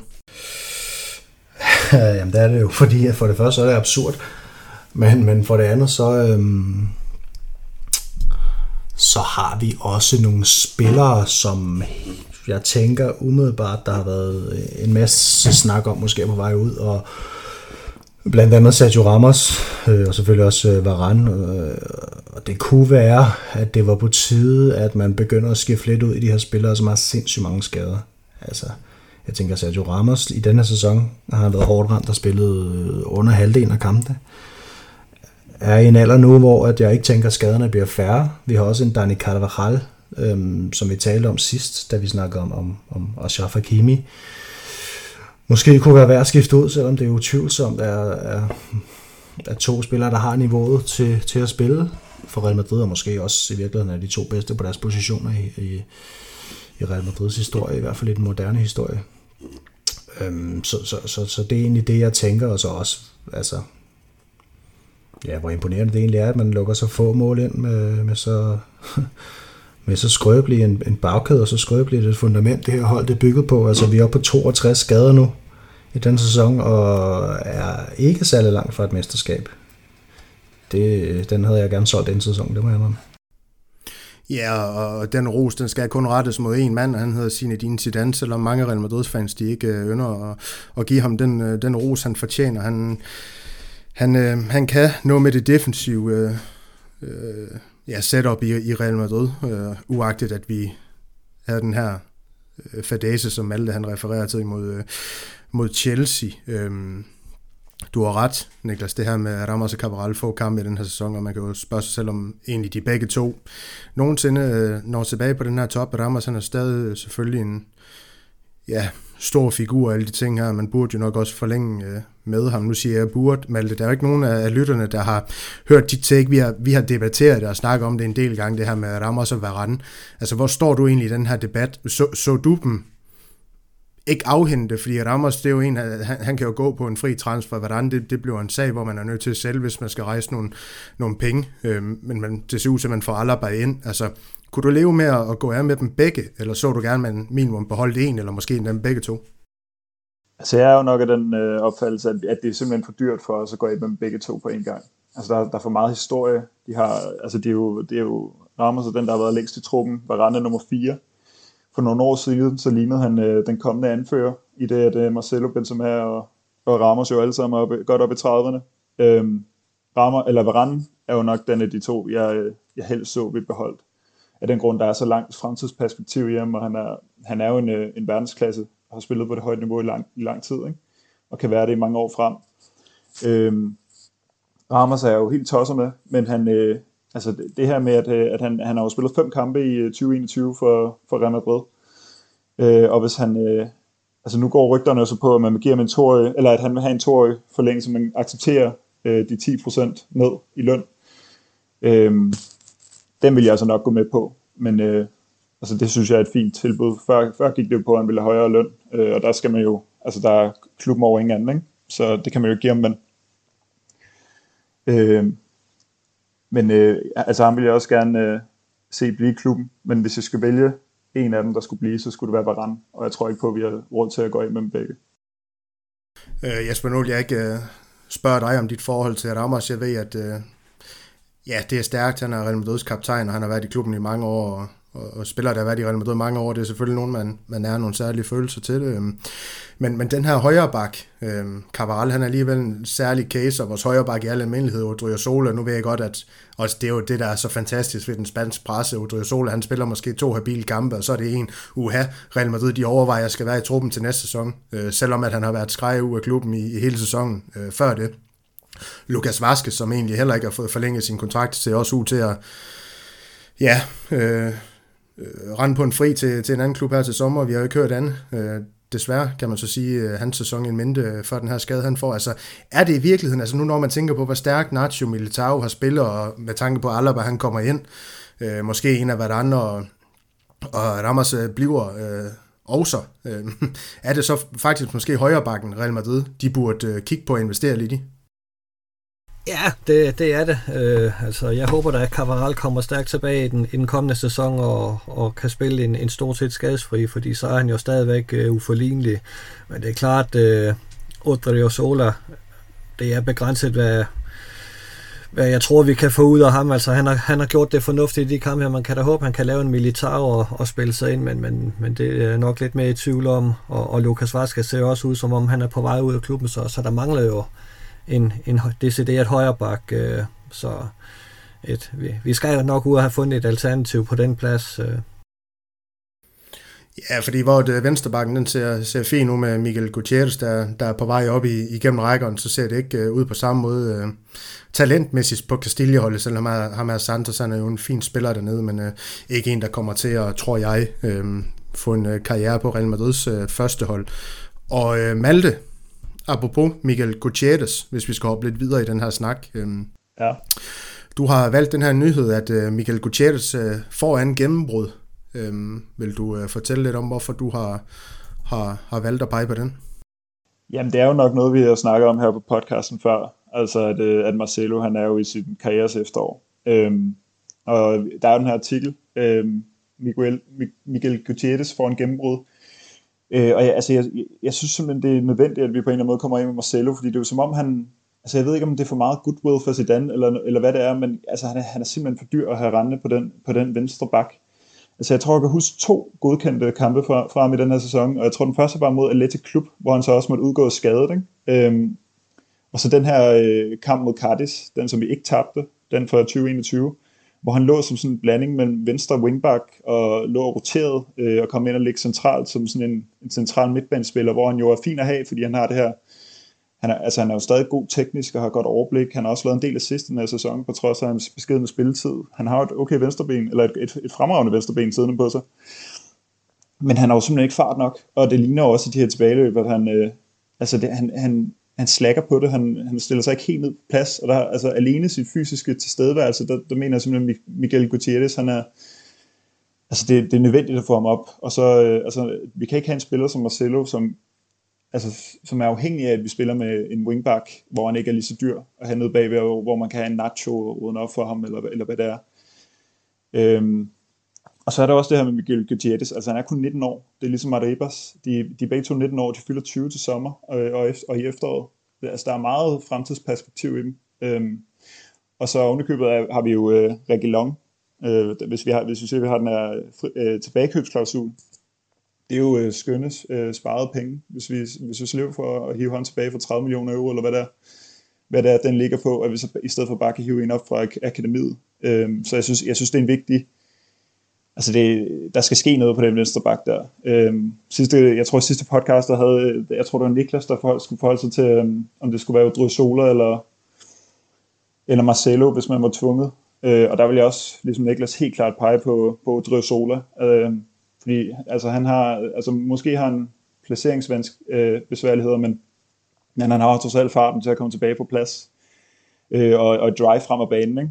Øh, og der er Gutierrez, altså han har jo også den her, altså det virker som om han er en, en meget kraftfuld spiller, øh, som jeg vil byde velkommen til førsteholdstruppen i hvert fald. Ja, han har i hvert fald øh, noget fysik, fysik på ham, og så kombinerer han måske også ikke nødvendigvis det bedste for to verdener, men han har nogle, nogle fine defensive egenskaber, ligesom han også kan, kan nogle ting offensivt øh, med, sit, med sit drive og, og, og så videre. Så ja, spændende, spændende spillere at hive frem. Vi har snakket lidt om ham i podcasten her. Jeg godt lide vinkel med Sergio Reguilon, for det, det er jo nemlig penge sparet. Nu, nu tror jeg også, det var Jesper, der bragt, har jeg rettet det, Jesper Hakimi på banen i sidste podcast, øhm, hvor man kan sige, det kunne jo være en mulighed på den her højre bak, højre vingbak, hvad, hvad siger Dan, hvis det er ham, der skal være træner nogle gange vælte over, og, og her øh, i, i, i den her side, der står vi lidt stærkere talentmæssigt, så øh, helt klart et, øh, et rigtig, rigtig fint perspektiv. Artiklen, som, som Jesper har skrevet her, den nævner og så også spillere som Victor Tjust og Antonio Blanco, så, så ja, der er nogle, nogle spændende spillere på vej, og Michael Gutierrez, han er, han er jo bestemt en af dem. Ærgerligt, han ikke kan lære offensivt af, af Marcelo i årene frem, at det er en Mangdi, han måske skal, skal stå i lære, lære ved i stedet for, men uh, Mangdi, han kan jo så også nogle, nogle, nogle flotte defensive ting, det må man jo, jo sige om øh, den kære franskmand, der er, er nogen i hvert fald udskilt for sine offensive kvaliteter, men øh, Jesper, vi, øh, vi mangler dig rosinen i pølsen i forhold til de her nyhedsartikler på madridist.dk. Du har valgt den her Marcelo udligner Roberto Carlos' kampantal. Din, øh, Kelle Dække, Roberto Carlos, Marcelo yes. over ham, i hvert fald på kampe. Hvad siger du? Ja, men det, det var bare lige sådan et, et lille nostalgisk uh, tilbageblik, fordi jeg er jo helt enig med Malte i, at uh, Marcelos tid i Real Madrid, den, den bør være, være, være nået til vejs ind, fordi han har ikke mere at byde ind med, og, og det er faktisk lidt en skam, han ikke selv kan se det, fordi så kunne man give ham en, en ordentlig afskedskamp øh, hjemme mod Villarreal uh, i sidste spillerunde. Uh, det, det har han faktisk fortjent, uh, men, men det virker til, at han, han er indstillet på at blive øh, sæsonen, øh, eller hvad hedder det, kontrakten ud, og så har vi ham næste år også. Det er bare vi frem til, det er, at øh, midt i al den her elendighed, hvor vi desværre skal se hans død ud, så skal vi også lige huske alt det, han har givet os i langt største delen af de 527 kampe, han har spillet indtil nu for Real Madrid. Altså det er, det er en af de helt store, det er ikke den største, Daniel, det, det får du mig ikke til at sige, men det er en af de absolut største og er en, en absolut legende, og, og jeg, jeg, jeg håber sådan, at vi bagefter sætter tilbage med mindre en, en rigtig god spiller, og vi ikke øh, husker for meget på, på de sidste kampe, vi har haft med ham her, fordi det, det er ikke øh, værdigt for, for en spiller af, af hans kaliber. Nej, og hvis ret skal være ret i forhold til den her debat, Jesper, så, øhm, så, slutte, så var min fornemmelse med Roberto Carlos, han sluttede stadig af i Real Madrid med noget tilbage i stængerne. Det var mere det her hvad kan du kalde det, generationsskifte på en eller anden måde, både, både var ham og Beckham, eller Beckham og Carlos, undskyld, de takker af under ja, Capello-sæson, den her remontada-sæson, som vi også har en, en podcast special om. Øh, øh, han skifter jo herefter til, er det Fenerbahce, mener jeg, inden han, han rykker til Anchi, eller så er det omvendt i, i russisk fodbold. Han er stadig noget fodbold tilbage, hvor jeg godt mere kan tvivle på, på Marcelo i den her, her ligning. Det bliver nok noget kinesisk eller amerikansk, hvis han skal videre og, og, og gøre sig gældende og stadig have det sjovt med, med, med, med fodbolden. Øh, Niklas, jeg kunne godt lige øh, tænke mig at gå over til dig med Marcelo her. Øh, Real Madrid, de har jo nogle gange, og jeg ved godt, hvad Jesper Solning er til det her, så jeg gider ikke spørge ham, men Real Madrid, de har samtidig fået skudt i skoen det her med, at øh, de ikke tager ordentlig afsked med deres øh, helt store spillere, legender, og vi kan godt til os at kalde Marcelo en legende, selvom han nødvendigvis ikke er den bedste gennem tiden, ifølge jeg tre, jeg har med i panelet i dag. Men altså, er det en spiller, der fortjener en bedre afsked end bare en kamp uden tilskuer mod Villarreal? Er det en spiller, der skal have en afsked øh, med et fyldt Banabeo? Altså, hvad er din holdning til sådan noget her? Altså, jeg synes jo, der er, der er rigtig mange spillere i øjeblikket, som får nogle uværdige afsked, afskeder med deres klubber, fordi at det simpelthen foregår uden tilskuer. Det, det, det bliver jo også forhåbentlig øh, tilfældet med Marcelo, at det bliver efter den her sæson. Øhm, jeg synes, han er i en lidt ærgerlig forfatning lige nu. Øhm, efter sæsonen, hvor, hvor Reguilon ligesom overtog hans plads, der, der var der jo sådan i, i sommerferien øh, masser af billeder af Marcelo, der virkelig strammede op og havde tabt sig og og det kørte bare, og det virker, nu virker det lidt som om, at han er lidt... Altså, han spiller ikke meget mere end en time i de kampe, han får, vel? Han, han, han kan ikke holde til en hel kamp mere. Øhm, så ja, jeg er da helt på linje med, at han er, han er sådan en spiller, som, som man gerne vil have klappet ud af et fyldt Bernabeu. Men, øhm, men det kommer nok ikke til at ske, desværre. Og så hvis, altså til, til det her med, med ordentlig afsked med legenderne, så det, altså, det kan jo ikke være helt skidt, fordi folk de bliver ved med at komme tilbage til Real Madrid, altså Ronaldo og Iker Casillas også tilbage, og Zidane kom også tilbage, og selvom han selvfølgelig fik en, en anderledes afsked, fordi han havde niveau lige til sin sidste kamp. Øhm, så, så jeg tænker, de må gøre et eller andet rigtigt, uden at det skal personeres ud til hele verden. Øhm, men ja, selvom jeg er enig med, med de andre i, at Roberto Carlos er den største for mig, øh, det har nok også noget at gøre med den, den tid, han spillede i, i forhold til min egen alder, hvor jeg var, selv var ung og så videre, at, øhm, øhm, Altså fortjener Marcelo da i hvert fald lige så stor afsked som mange af de andre. Han har været en kæmpe øh, ambassadør for Real Madrid, både på og uden for banen. Det, øh, det, det er jo en kæmpe figur i Real Madrid, det her, der, der desværre ikke har niveauet længere.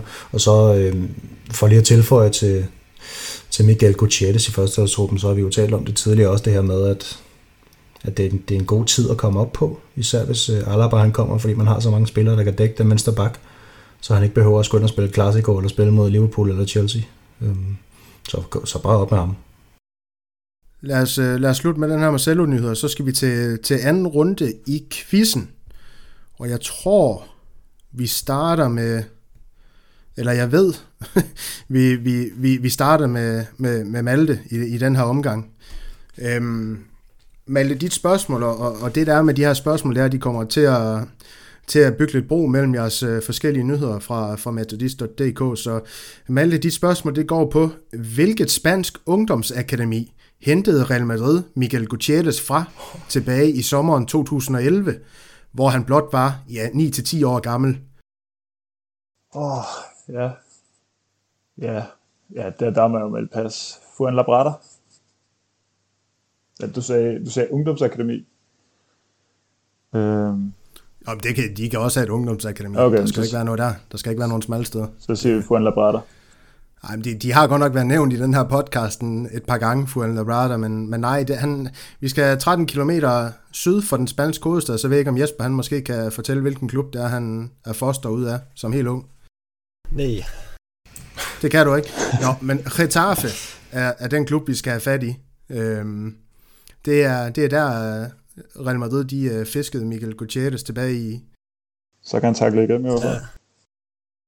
Lige præcis. Og Niklas, så hopper vi videre til dig, Malte. Det var desværre 0 point igen. Du, uh, du har faktisk bare egentlig overtaget min rolle i, i den her quiz, så super fantastisk på en eller anden måde. Du falder rigtig godt ind Nik- sammen med os andre, det er perfekt. ja, ja det, det er sådan, det skal være. Uh, Niklas, videre, videre til dig så. Um, hvor mange kampe har Zidans såkaldt foretrukne firebakkæde spillet til sammen på tværs af alle turneringer i indeværende sæson. Øhm, lad os sige, du må ramme ved siden af med plus minus 5. Og det er Ramos, Varane, Mandi og, og Carvajal, der skal spille sammen. Nej, de skal ikke spille sammen. Det, det hvor mange kampe de bare har haft til sammen, ikke på banen på samme tid. Okay. Nå, okay. Ja, det var også for nemt, det ja, ja, præcis. øhm, I alle turneringer. Ja. Der er de to. Så siger jeg 80. De, de plus minus 5, de, de, kom, øh, de kom ikke i spil. Okay. Øh, svaret, det er, det er 114 ifølge Transfermarkt. Cavaral med, med 15 kampe på tværs af alle turneringer. Ramos med 21.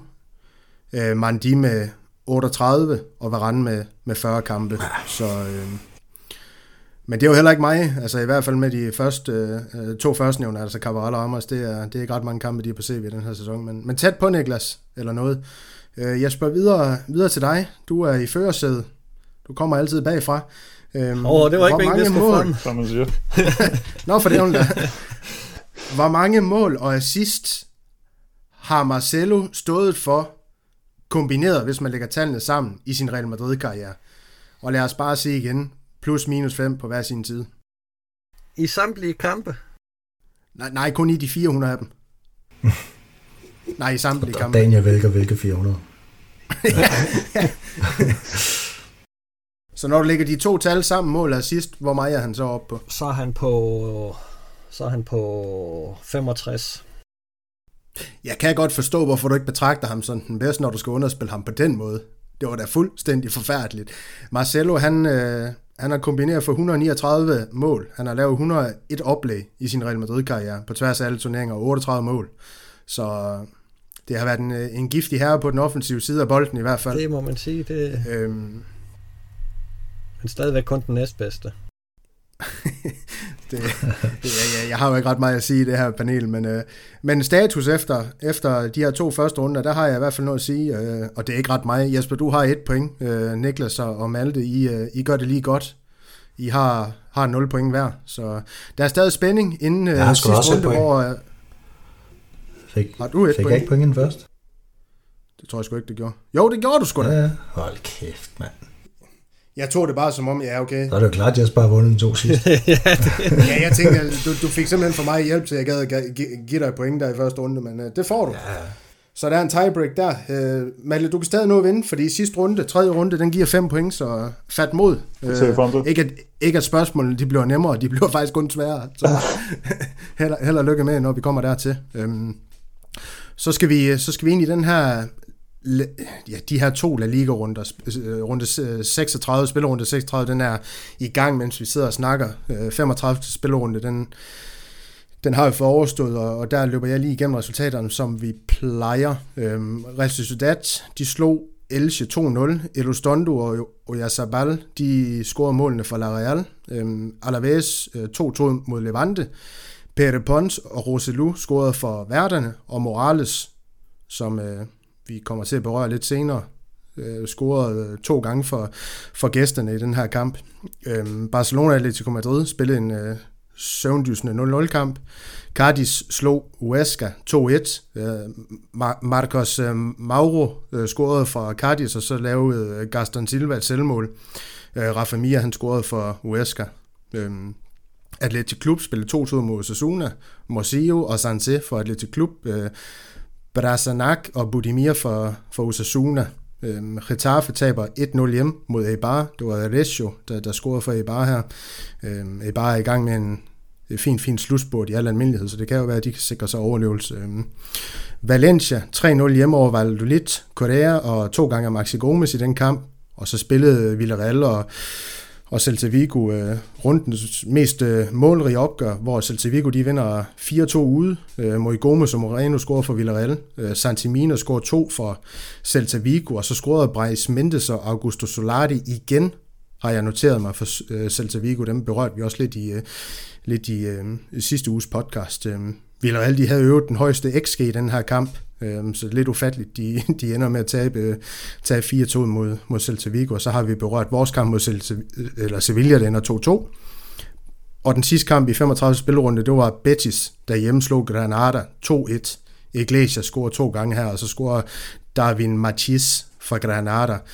Øh, Niklas, er der noget særligt med den her spillerunde, vi, vi, skal, vi lige skal have med, inden vi hopper videre til det, der er sket i 36 spillerunde indtil videre?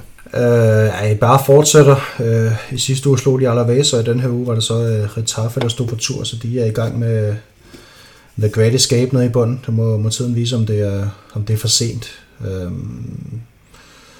jeg mener, de møder Betis i morgen, hvis jeg ikke tager helt fejl. Øh, og så noterer jeg mig selvfølgelig, at, at Barcelona får to point på to kampe, hvis vi lige tager den kamp i går med. Ja, lige præcis, og, den kamp, den kommer vi til nu, fordi i 36 spillerunde her, der har den, den tog vi hul på i går, som Niklas lige siger her. Osasuna, de, de slår hjemme. Cardis 3-2. Øh, uh, øh, Toda, som scorer for, for Osasuna, og Budimir, uh, men Sanden igen. To mål her. Uh, Saponjic og Pereira, de scorer for Cardis, så, så vinder Alaves 2-0 i den her, ja, vi kan godt tælle os at kalde det meget, meget tætte bundstrid, også øh, over Elche. Øh, Roselu og Rioja scorer for, for Alaves, og så, som Niklas han, han snakker om, den her 3-3-kamp mellem Levante og Barcelona, hvor et, øh, jeg ved, jeg gik i seng, da Barcelona førte 2-0, og jeg har ladt mig, ladt mig fortælle, at Gammelfar, altså Jesper i det her panel, øh, gik i seng, da Barcelona op 2-1. Øhm, så en lækker, lækker overraskelse. Niklas han præsenterede for her i morges, da at, øh, han lige sender et screenshot i vores øh, interne tråd. Øhm, men det var Merelo, øh, Melero, øh, Morales og Sergio Leon, der scorede for Levante, og så Pedri, Dembélé og Messi for, for Barcelona. Øh, fuldstændig fantastisk pointtab til, til Barcelona her, Malte.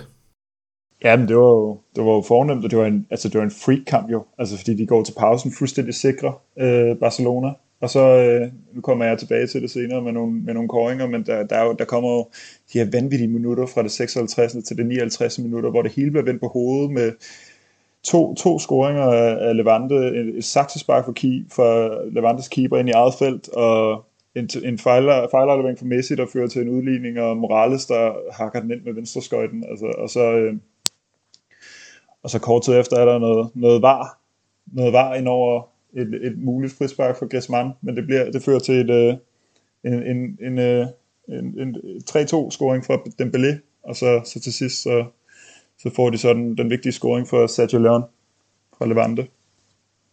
Og dermed er de jo distanceret i, i topstriden.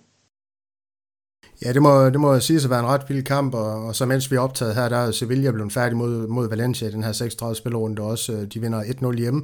Celta Vigo, de vinder også 1-0 over Retafe. Retafe, de har mere eller mindre anbragt røven i klaskehøjde efterhånden. De kan, de kan stadig nå at rykke ned, selvom uh, vi var flere der her uh, i panelet spået, at uh, de var mere eller mindre sikre at blive op, men der er nogle hold, der, der vil noget andet i den her bundstrid. For, for eksempel Uesca, der, der vinder 1-0 hjemme over Atletic Klub øh, her til aften også, og så mens vi sidder og snakker nu, der er Atletico Madrid og Real Sociedad netop gået i gang, der har spillet 6 minutter, så det er jo spændende at se om, ja, øh, La Real, de kan, de kan drille øh, bysbørnene her, så at Real Madrid, de igen, igen kan få, en, øh, få serveret en matchbold, og, og se om de kan gøre den færdig her i, i den resterende del af sæsonen. Øhm, lad os gå videre til de her prisedrenge, prisedrenge som, som vi også skal have taget hul på. Øhm, Jesper, øh, din, øh, lad os starte positivt. Lad os, lad os starte med El Crack, øh, så kan du tage hul på den, med hvem du har der, eller hvad du har der. Ja, der skal vi have fat i øh, La Ligas gammelfar, Joaquin, som øh, i weekenden spillede sin kamp nummer 461 øh, for, for Betis, og, og dermed blev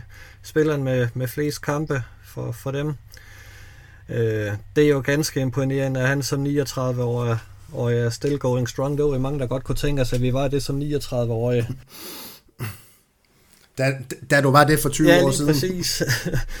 men men uh, han er i gang med sin 21. sæson som, som professionel, og uh, han har haft de her afstikker til Valencia, Malaga og Fiorentina, men, men uh, er tilbage i, i Betis, hvor, hvor han står til at, at forlænge sin kontrakt, og, og, og vi får altså glæde af ham i, i endnu en sæson.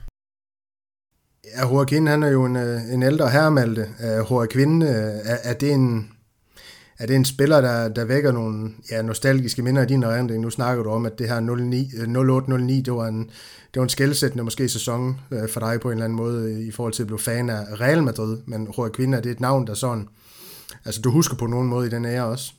Altså, jeg skal være helt ærlig og sige, jeg kan ikke lige huske præcis, huske om vi præcis den periode, men jeg kan da huske, om der er noget par med, eller der er noget kantpar, hvad man siger, for, med Vicente i Valencia-tiden. Øh, og der var vist nogle andre fede spillere på det tidspunkt. Så vidt jeg husker, var det også der, hvor på samme tidspunkt, hvor Marta og David Villa og David Silva spillede for det Valencia-hold.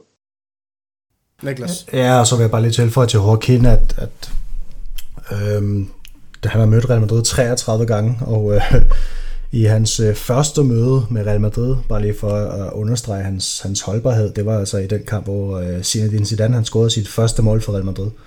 Så det er en spiller, der har været med længe. det er altså, det er 2001, vi snakker, ikke? Ja, lige præcis. Det er sådan lidt et nostalgisk stripper lige at, lige at få, få, få nævnt sådan navn. Øhm, jeg husker også en, en brasilianer ved navn øh, uh, Denilson, der blev købt, af det ikke efter VM i 98. Uh, øh, han blev købt til Betis, uh, og jeg ved ikke engang, om de to de nåede at spille sammen i Betis, fordi han ender jo med at blive rigtig, rigtig flop, ham her, Denilson, men, men det siger lidt om, tidsmæssigt var lang tid. Uh, han, han har været inde omkring, uh, omkring uh, spansk fodbold, ham her, Joaquin, en, uh, en legende i spansk fodbold, det er ingen tvivl om, og, og, og hvis jeg heller ikke husker rigtigt, så har han da også en, en gang eller to via den spanske presse blevet rygtet til Real Madrid i sin i sine unge dage. Øhm, Niklas, lad os hoppe videre til dig. Du, øhm, du har valgt at, at, gå lidt væk fra La Liga i den her El Crack. Øhm, hvad, hvad skal vi have fat i hos dig? Vi skal have fat i Real Madrid Castilla, og det skal vi, fordi at de har øh, spillet sig i de her playoff-kampe, eller playoff-kamper, der skal de møde, øh, der skal de møde, der skal de på en lækker udbanetur til Ibiza, og øh, det er søndag kl. 22, så det er lige inden de kan gå i byen. Det er helt perfekt. Men øh, de, de har leveret en god slutspurt på sæsonen her, og, og den her kamp i weekenden, hvor de vinder med 4-2, der, der, der skylder man sig selv lige at gå ind og se nogle højdepunkter, for der bliver scoret nogle, faktisk nogle ret vanvittige mål, øh, hvor blandt andet øh, Hugo Duro og Arribas og, og Marvin Park, som alle har været inde omkring første hold denne sæson, de, øh, de leverer nogle rigtig flotte detaljer. Ja, jeg, jeg synes, det var helt utroligt i den kamp, at, øhm, øh, at uh, Talaveras, øh, de, de overhovedet kom på 2-1. Altså, det var en kamp, Castilla, de, de mere eller mindre styrede fra start til slut, så det var mig helt uforståeligt, at øh, de fik scoret til, ja, til både 1 og 2-1 i, i den kamp, men heldigvis der, der, der ender øh, Castilla med at ja, slå dem ret komfortabelt øh, i, i et eller andet omfang. Øh, Jesper, øh, jeg, jeg ved ikke, hvor meget du er inde i, i selve styrkeforholdet mellem øh, Castilla og så Ibiza, men, men sådan Altså, øh, kan du fortælle lidt om, hvad der skal til for, at øh, det her Castilla-hold, de kan rykke op i den her næstbedste spanske øh, fodboldrække, og så beskære med, med nogle måske lidt bedre hold? Ja, først og fremmest skal Raul jo helst have, have alle sine spillere til rådighed, og det betyder, at Zidane ikke skal gøre brug af for mange af dem, fordi der bliver brug for, for hele styrken, hvis, hvis de skal klare de her, den her udfordring. Jeg skal lige have med, at, at kampen bliver ikke spillet i Ibiza, den bliver spillet på neutral grund i Badajoz, fordi det er en, en kamp, der afgøres over et enkelt opgør. Øhm, og, og det, det er jo voksne mænd, de er op imod, så, så det, det er virkelig en udfordring øh, øh for, for de her unge drenge, øh, hvor, hvor flere af dem er, er faktisk er, er rykket op fra juvenilhold, så, så det er helt, helt unge spillere, øh, de der 18 år, øh, at, øh, at der, der spiller i, i den tredje bedste række i, i Spanien. Det er, det er faktisk ganske imponerende, at, at de er nået så langt, øh, også med, med de udfordringer, de har haft i løbet af sæsonen. Øh, så, så en stor ros til, til det arbejde, der blev gjort, øh, både fra Ole og, og fra spillernes side. Det, det er ganske imponerende. Ja, og sidste gang vi stod i en øh, tilsvarende situation, der skal vi jo faktisk tilbage til, så vidt jeg husker, hvor vi har mulighed for at rykke op, eller Castilla, ikke vi, men Real Madrid Castilla har mulighed for at rykke op i den næstbedste spanske fodboldrække. Det er med det her kul med Morata, José, øh, øhm, øh, de drenge, der, der reagerede dernede på det tidspunkt, hvor José han jo scorede de her, var det ikke Raul scoringsrekord? Øh, der, var, der var i hvert fald noget scoring, eller var det Butrag, jeg kan sgu ikke huske det, men der var i hvert fald noget scoringsrekord, han, han slog, øh, slog det år, øh, den gode Jesse. Øh, så, så, så det var en talentfuld øh, overgang, der var dengang, og det siger også bare lidt om, at det er det også i dag. øh, så spændende at se, Niklas. Du, du havde hånden op. Øh, var der noget andet, du ville berøre i forhold til det her, Christina? Øh, nej, men det var egentlig bare i forhold til Ibizas styrker. Øh, de, de spillede jo noget Copa del, Copa del Rey år, og, og, og, hvor de rød til Atletic Klub, og det er altså, de kommer altså foran og fører faktisk frem til, der spillede 50 minutter. Øhm, og Atletic får, får først scoret til 2-1 i overtiden af kampen, så det er jo ikke, det er ikke noget dårligt hold, og slet, og slet ikke de her øhm, enkelte kampe her, så er det et hold, der godt kan sætte sig op til at, til at vinde fodboldkampe, så, så det, jeg, jeg synes, det er meget imponerende, hvis Real Madrid og Castilla kan gøre noget med dem her. Ja, lige præcis. Øhm, lad os så videre til din El Crack, øh, Malte. Du har, du har valgt at hive fat i et, øh, ja, du har valgt at hive fat i en gul ubåd. Det har jeg. Jamen, det er jo, altså, det er jo med alt det her Super League her, Øhm, og vi har snakket om det her famøse pengetræ, øh, som øh, Premier League-klubber, især olieejede klubber, har stående i haven. Øhm, så synes jeg bare, det er en fantastisk historie, at vi har fået Villarreal i øh, Europa League-finalen. Øh, og så lige har slået øh, Arsenal, en af de her Super League-klubber, ud på vejen. Øhm, fordi det virker jo som om, de engelske klubber efterhånden er begyndt at kunne, kunne finde ud af at udnytte deres penge, som de burde have kunne gøre mange år efterhånden, men som først nu begynder at lykkes med, med Tottenham og Liverpool i finalen. Det var også Liverpool, Real Madrid slog i 18. Øhm, det er to engelske hold i Champions League-finalen i år, øh, og øh, så synes jeg, altså for, for uh, tak til Villarreal for at, at, at holde fanen højt for de spanske klubber. Ja, det kan vi kun, øh, det kan vi kun blive enige om, øh, Malte. Hvad, hvad siger du til den udlægning, øh, Jesper? Øh, er det lidt en parentes for dig, øh, en mindre også alt det, der er sket i Real Madrid den sæson her, at Villarreal, de er, de er kommet i den her Europa League-finale, eller er det egentlig også, når du klapper sådan lidt stilfærdigt i din jeg ved ikke om dine hænder de er små, men i hvert fald dine hænder.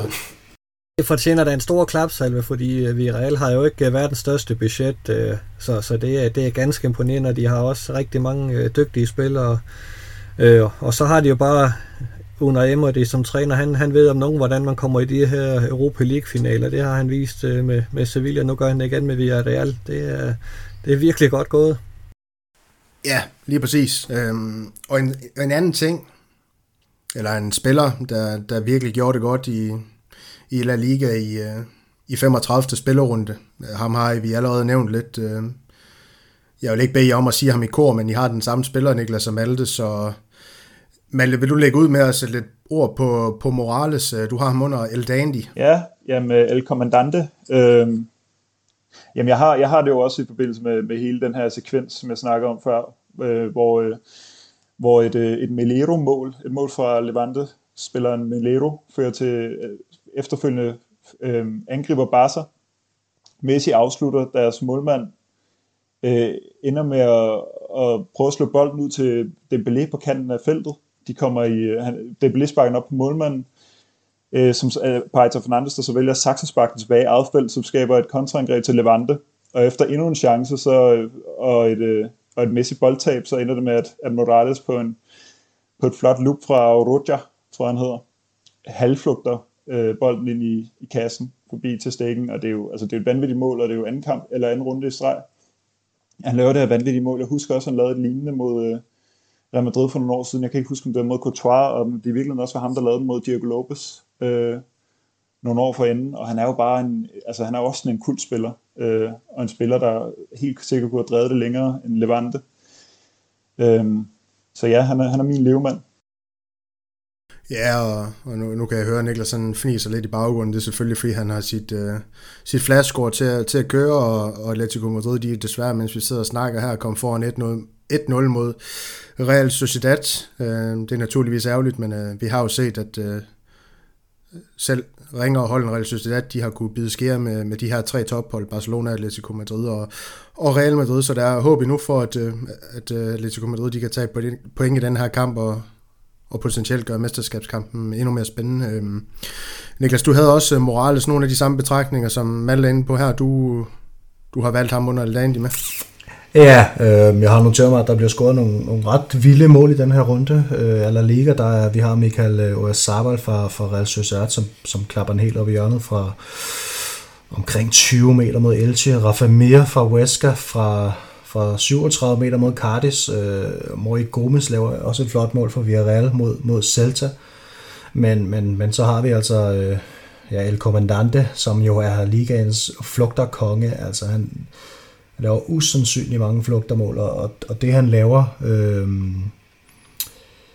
i weekenden er endnu bedre end det, han lavede i går øh, hvor, hvor han altså får den ud fra højre side og bare klapper den ind med højre, og bolden bliver faktisk siddende op i målhjørnet. Altså, den, den rører ikke noget og rammer jorden igen. Det, det, det er et vanvittigt mål. Øhm, og ja, så scorede han også sådan lidt mod Barcelona, og tidligere på året scorede han en, en halvflugt mod Real Madrid, så det, øh, det er en spiller, der godt kan finde ud af, af at ramme bolden, øh, må man sige. Øhm, ja, tre mål de seneste to kampe, det, det, det er jo sådan et, som, som alle siger, sådan et, et kult ikon hos øh, Luis Morales. Det er sådan en spiller, som der, der er ikke nogen klubber, fans og nogle klubber, som, som ikke bryder sig om ham her. Han er bare en spiller, som bare løber en helvedes masse meter, og nogle gange ser lidt klodser ud, og nogle gange så laver han bare nogle fuldstændig vanvittige mål. Altså, det, det er en fed spiller at følge. Ja, han får det uden tvivl til at se godt ud, når, når det er, han scorer. Øhm, Lad os hoppe videre til, til Duro her. Uh, Jesper, vil du uh, pakke din Duro ud først? Og, og her tænker jeg på... på nu, nu slukker de andre på, på, den, du har valgt, på, på, på den, du har valgt som den grusomme. Det var ikke din Duro, men din Duro. ja, men vi skal tilbage til, til Villarreals uh, kamp, og vi skal faktisk også snakke var, fordi tror man, at, at Real Madrid var udsat for, for en hård varekendelse i, i weekenden, så er det slet, slet ikke noget forhold til, hvad Villarreal de var, var ude for. Øh, de fik to mænd udvist, øh, hvad hedder det, omkring pausen. Øh, to bænke, eller to øh, spillere, der sad på bænken for, for Brock.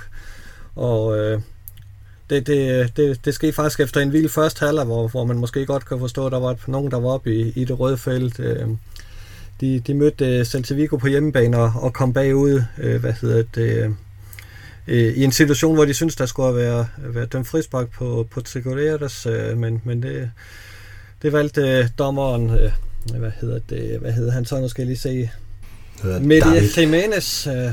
og hvad hedder det, og sige, der var, der var ikke frispark, og så fik de det her mål anerkendt. Og så kom anden mål på, på strafspark øh, lige kort før pausen, øh, efter en situation, hvor, hvor øh, Villarreals målmand øh, Asensio stod sammen med Hugo Mayo i en luftduel. Øh, og og, og det, det var man selvfølgelig også, øh, hvad hedder det, noget utilfreds med. Men det blev, det blev vildere endnu, fordi så i, i det første 20. minut, der blev øh, Celtas Araujo øh, udvist med direkte rødt kort øh, i, en, en situation, hvor, hvor dommeren faktisk slet ikke var i tvivl om, at, at han skulle ud. Men øh, Araujo, han øh, nægtede at forlade banen, før dommeren havde set på, på de her varebilleder, og, og det øh, var han ikke rigtig indstillet på, fordi han var sikker i sin sag.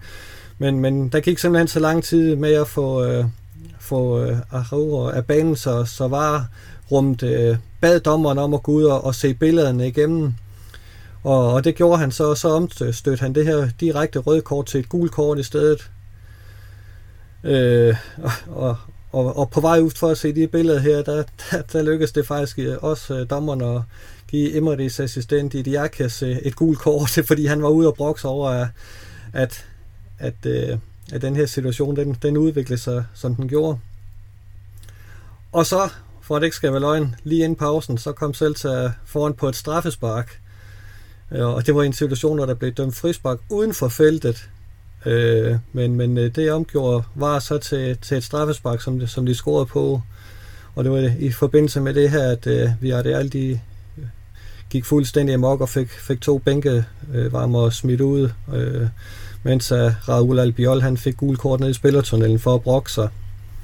Og der var det, øh, at dommer Media Jimenez øh, lige forsøgte at lægge en dæmper på, øh, øh, på Villarreal-spillerne ved at sige, nu skal I tænke jer om, for jeg er ikke bange, eller bleg for at smide alle sammen ud, hvis det skulle komme så vidt.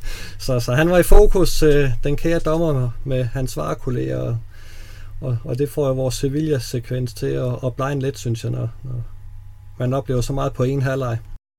Ja, og man må jo også sige, at den her lille fortælling fra Jesper, der er jo ikke bare en fortælling, men en sandhed, det får jo også lidt, øh, ja, Niklas' øh, stikpiller til Retarfe en gang imellem til, til at blinde lidt, vil jeg sige, fordi det her, det var da, det var da ja, grusomt.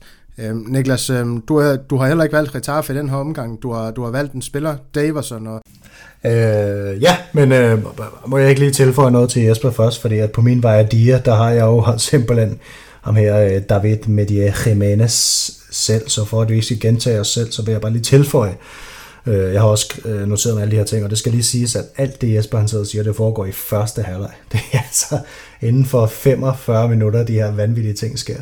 Øhm, jeg vil bare lige tilføje til det første mål, og jeg synes, jeg synes simpelthen, det er så sindssyg en præstation, han leverer. Jeg var ved at dø af grin. altså, det, var, det, det var bare lag på lag på lag af elendighed.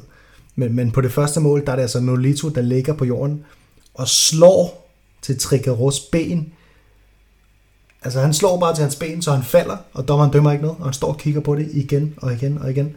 Og han, og han dør. Jeg, jeg, jeg, det går ud over min fatteevne, at han ikke dømmer det frispark der. Jeg synes, det er fuldstændig vanvittigt. Altså, jamen, det var grinagtigt. Så længe man ikke er ved Real-fan, det, det var helt vildt. Og, altså, han, dommeren burde simpelthen have været skiftet ud i pausen. Det, øh, det, jamen, så dårligt var det. Det var helt vildt.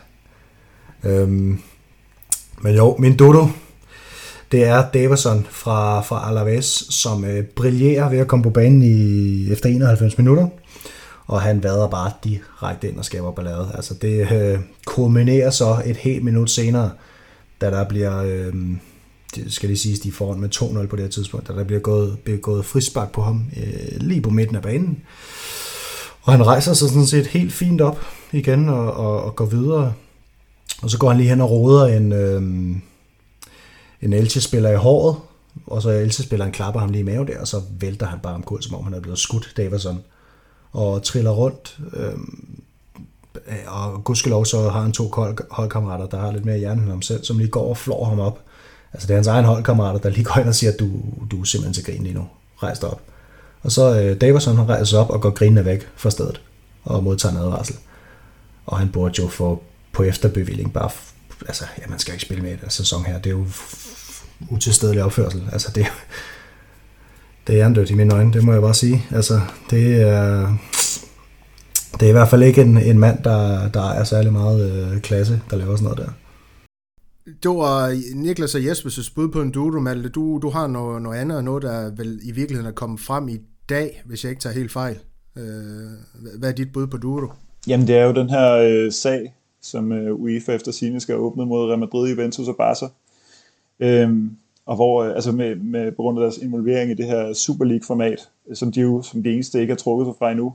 Øhm, og ja, altså det, det grusomme er jo dybest set, at vi som fans kan blive tvunget ud i det her, øh, at vores øh, klubber kan blive trukket ud af, af Champions League. Ikke? Især når vi ser på, hvad, hvordan de her organisationer ellers har håndteret altså øh, problematiske sager. Der var jo for eksempel det her i, med, med Manchester City, der, der undgik to års udelukkelse af Champions League for, øh, på grund af deres, eller efter deres, øh, deres brud på financial fair play og deres sponsorsvindel og øh, alt, alt, alt sådan noget der. Og det, altså, det kigger de jo stort på og giver dem en både 75 millioner kroner, hvilket er en joke, fordi du, altså, du kan ikke... Øh, jeg tror også, det blev sagt i en tidligere Super League podcast, du kan ikke øh, du kan ikke ramme klubber som PSG og Manchester City, måske i det hele taget alle øh, Premier League-klubberne efterhånden, på, altså ved at give dem bøder. Øhm, så ja, det grusomme er jo, at, øh, at de her tre klubber, øhm, altså fans, der bliver trukket igennem det her, lad os håbe, at det stadig bare er politik, øhm, og at det ikke sker. Men øh, ja, det er min, øh, det er min grusomme i dag, min dodo. Ja, fordi Jesper Malte, han har jo ret i det her med, at øh, det er lidt, øh, lidt grinagtigt, at øh, Manchester City og, og, og PSG i forhold til der financial fair play, de ikke bliver straffet mere, end de gør.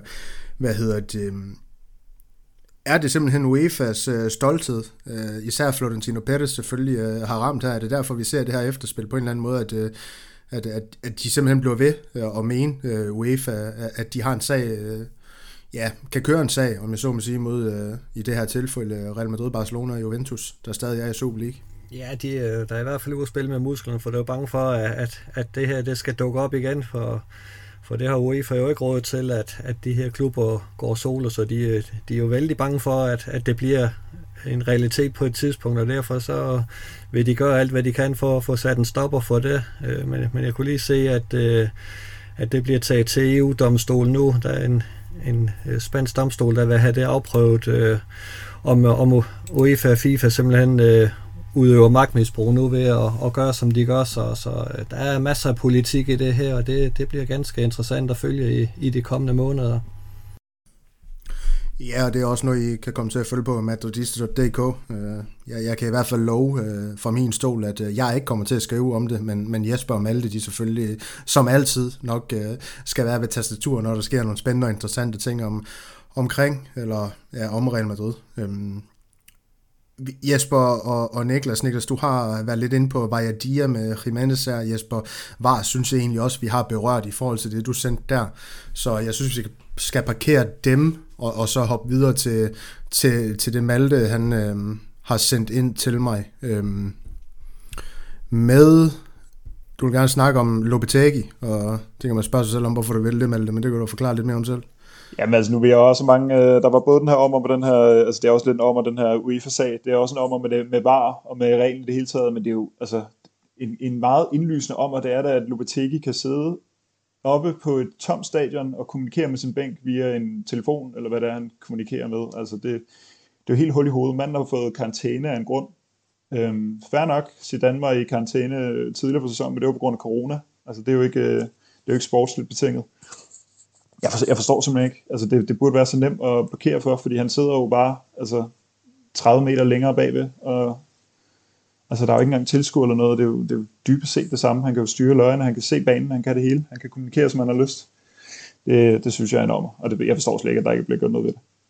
Øhm, jeg, jeg er helt enig i, i, i den betragtning. Jeg ved ikke, øh, nu, nu, nu kommer jeg ikke til ord med Vajadia, Niklas og Jesper, men er I enige i, i Maltes ord omkring det her med Lopetegi? Øh, og og hele den her øh, kommunikationsvej, man stadig kan foretage sig, når man har fået karantæne som træner. Ja, det kan vi jo ikke være den ene i, fordi det er der, det er der rent til grin, at øh, han sætter 30 meter længere tilbage i tørvejr og, og kan sætte og se det hele. Og, øh, altså, det, det gør jo ikke nogen forskel, om han er stået nede på sidelinjen, eller om han sætter øh, 30 meter tilbage med fuldt udsyn og, og et, et konstant øh, telefonkontakt med, med dem der nede på, på bænken Øh, er, det er latterligt og til grin.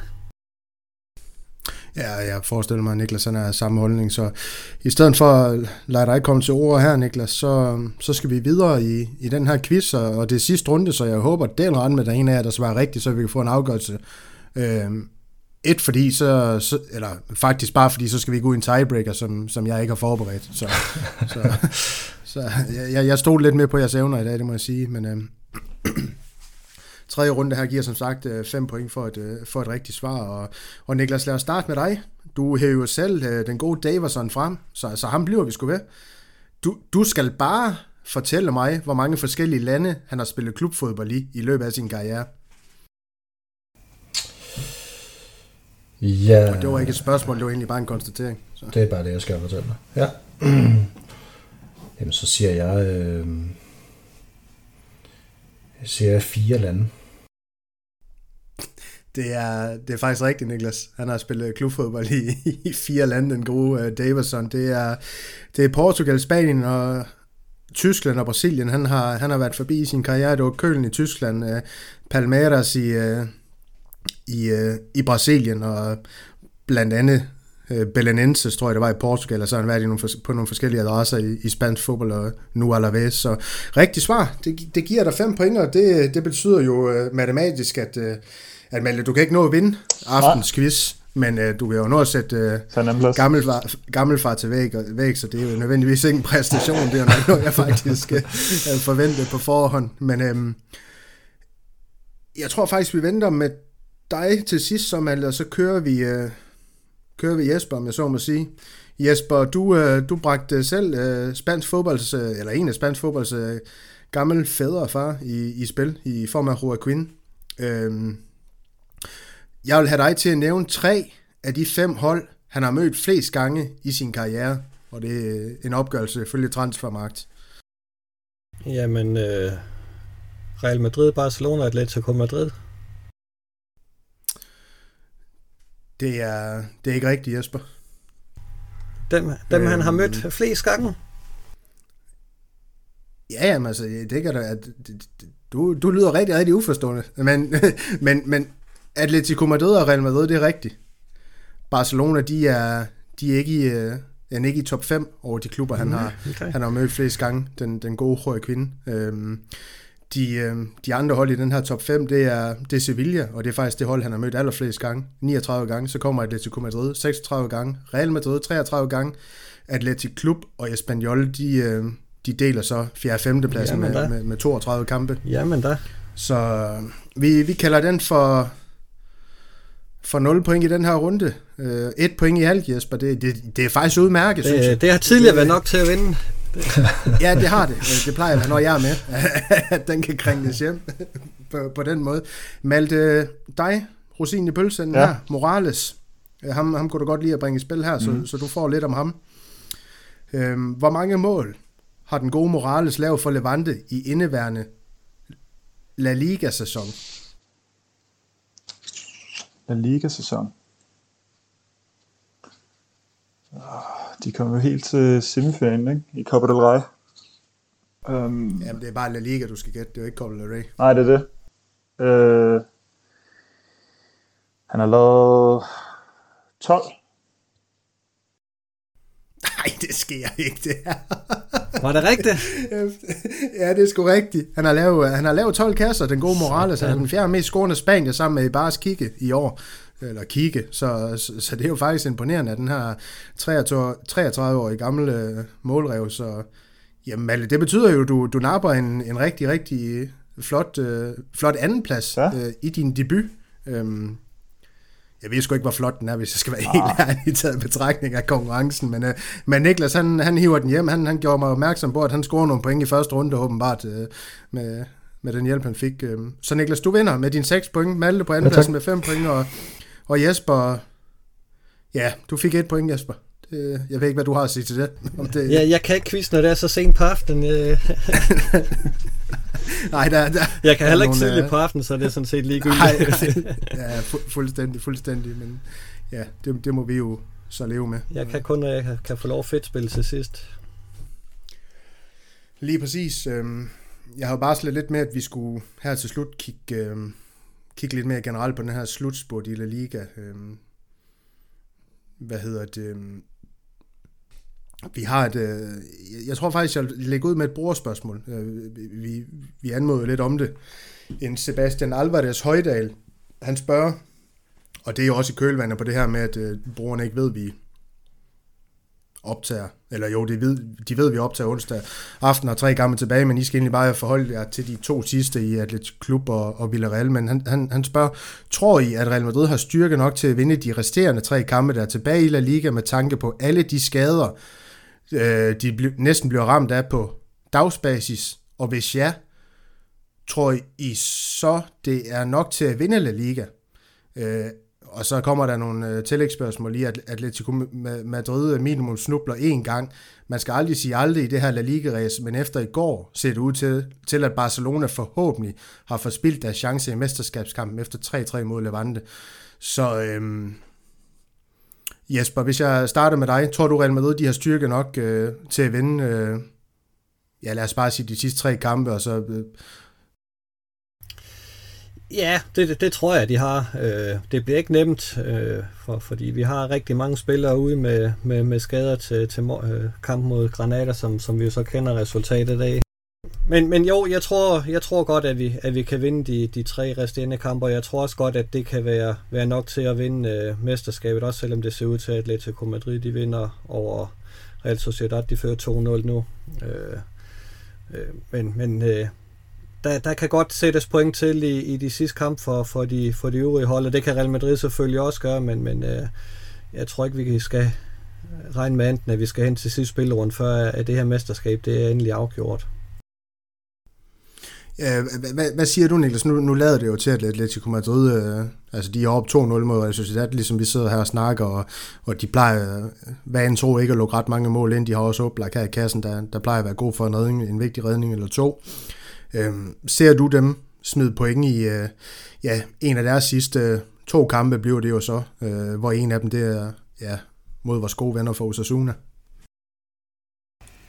Øh, den er svær, ikke? Altså, Osasuna, de, øh, de plejer jo at, at, at gøre os nogle gode tjenester, men øhm, ja, så kan vi jo håbe på, at lidt de hæver et eller andet vanvittigt ud, når de nu skal kæmpe om overlevelse, men, men ja, jeg tror også godt på, at vi kan vinde alle tre kampe, men det er lidt sværere at se, se Atletico sætte point til, desværre.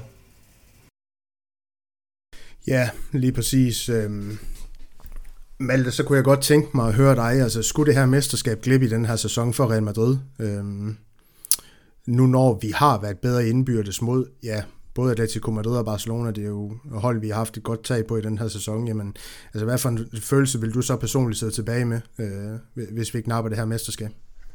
Jeg synes jo, vi, altså den her den sæson, der kan deles op i, i flere dele, fordi det er jo, ikke, der er jo ingen tvivl om, at, at da vi gik ind til sæsonen, der, der var vi store favoritter til at tage det her mesterskab.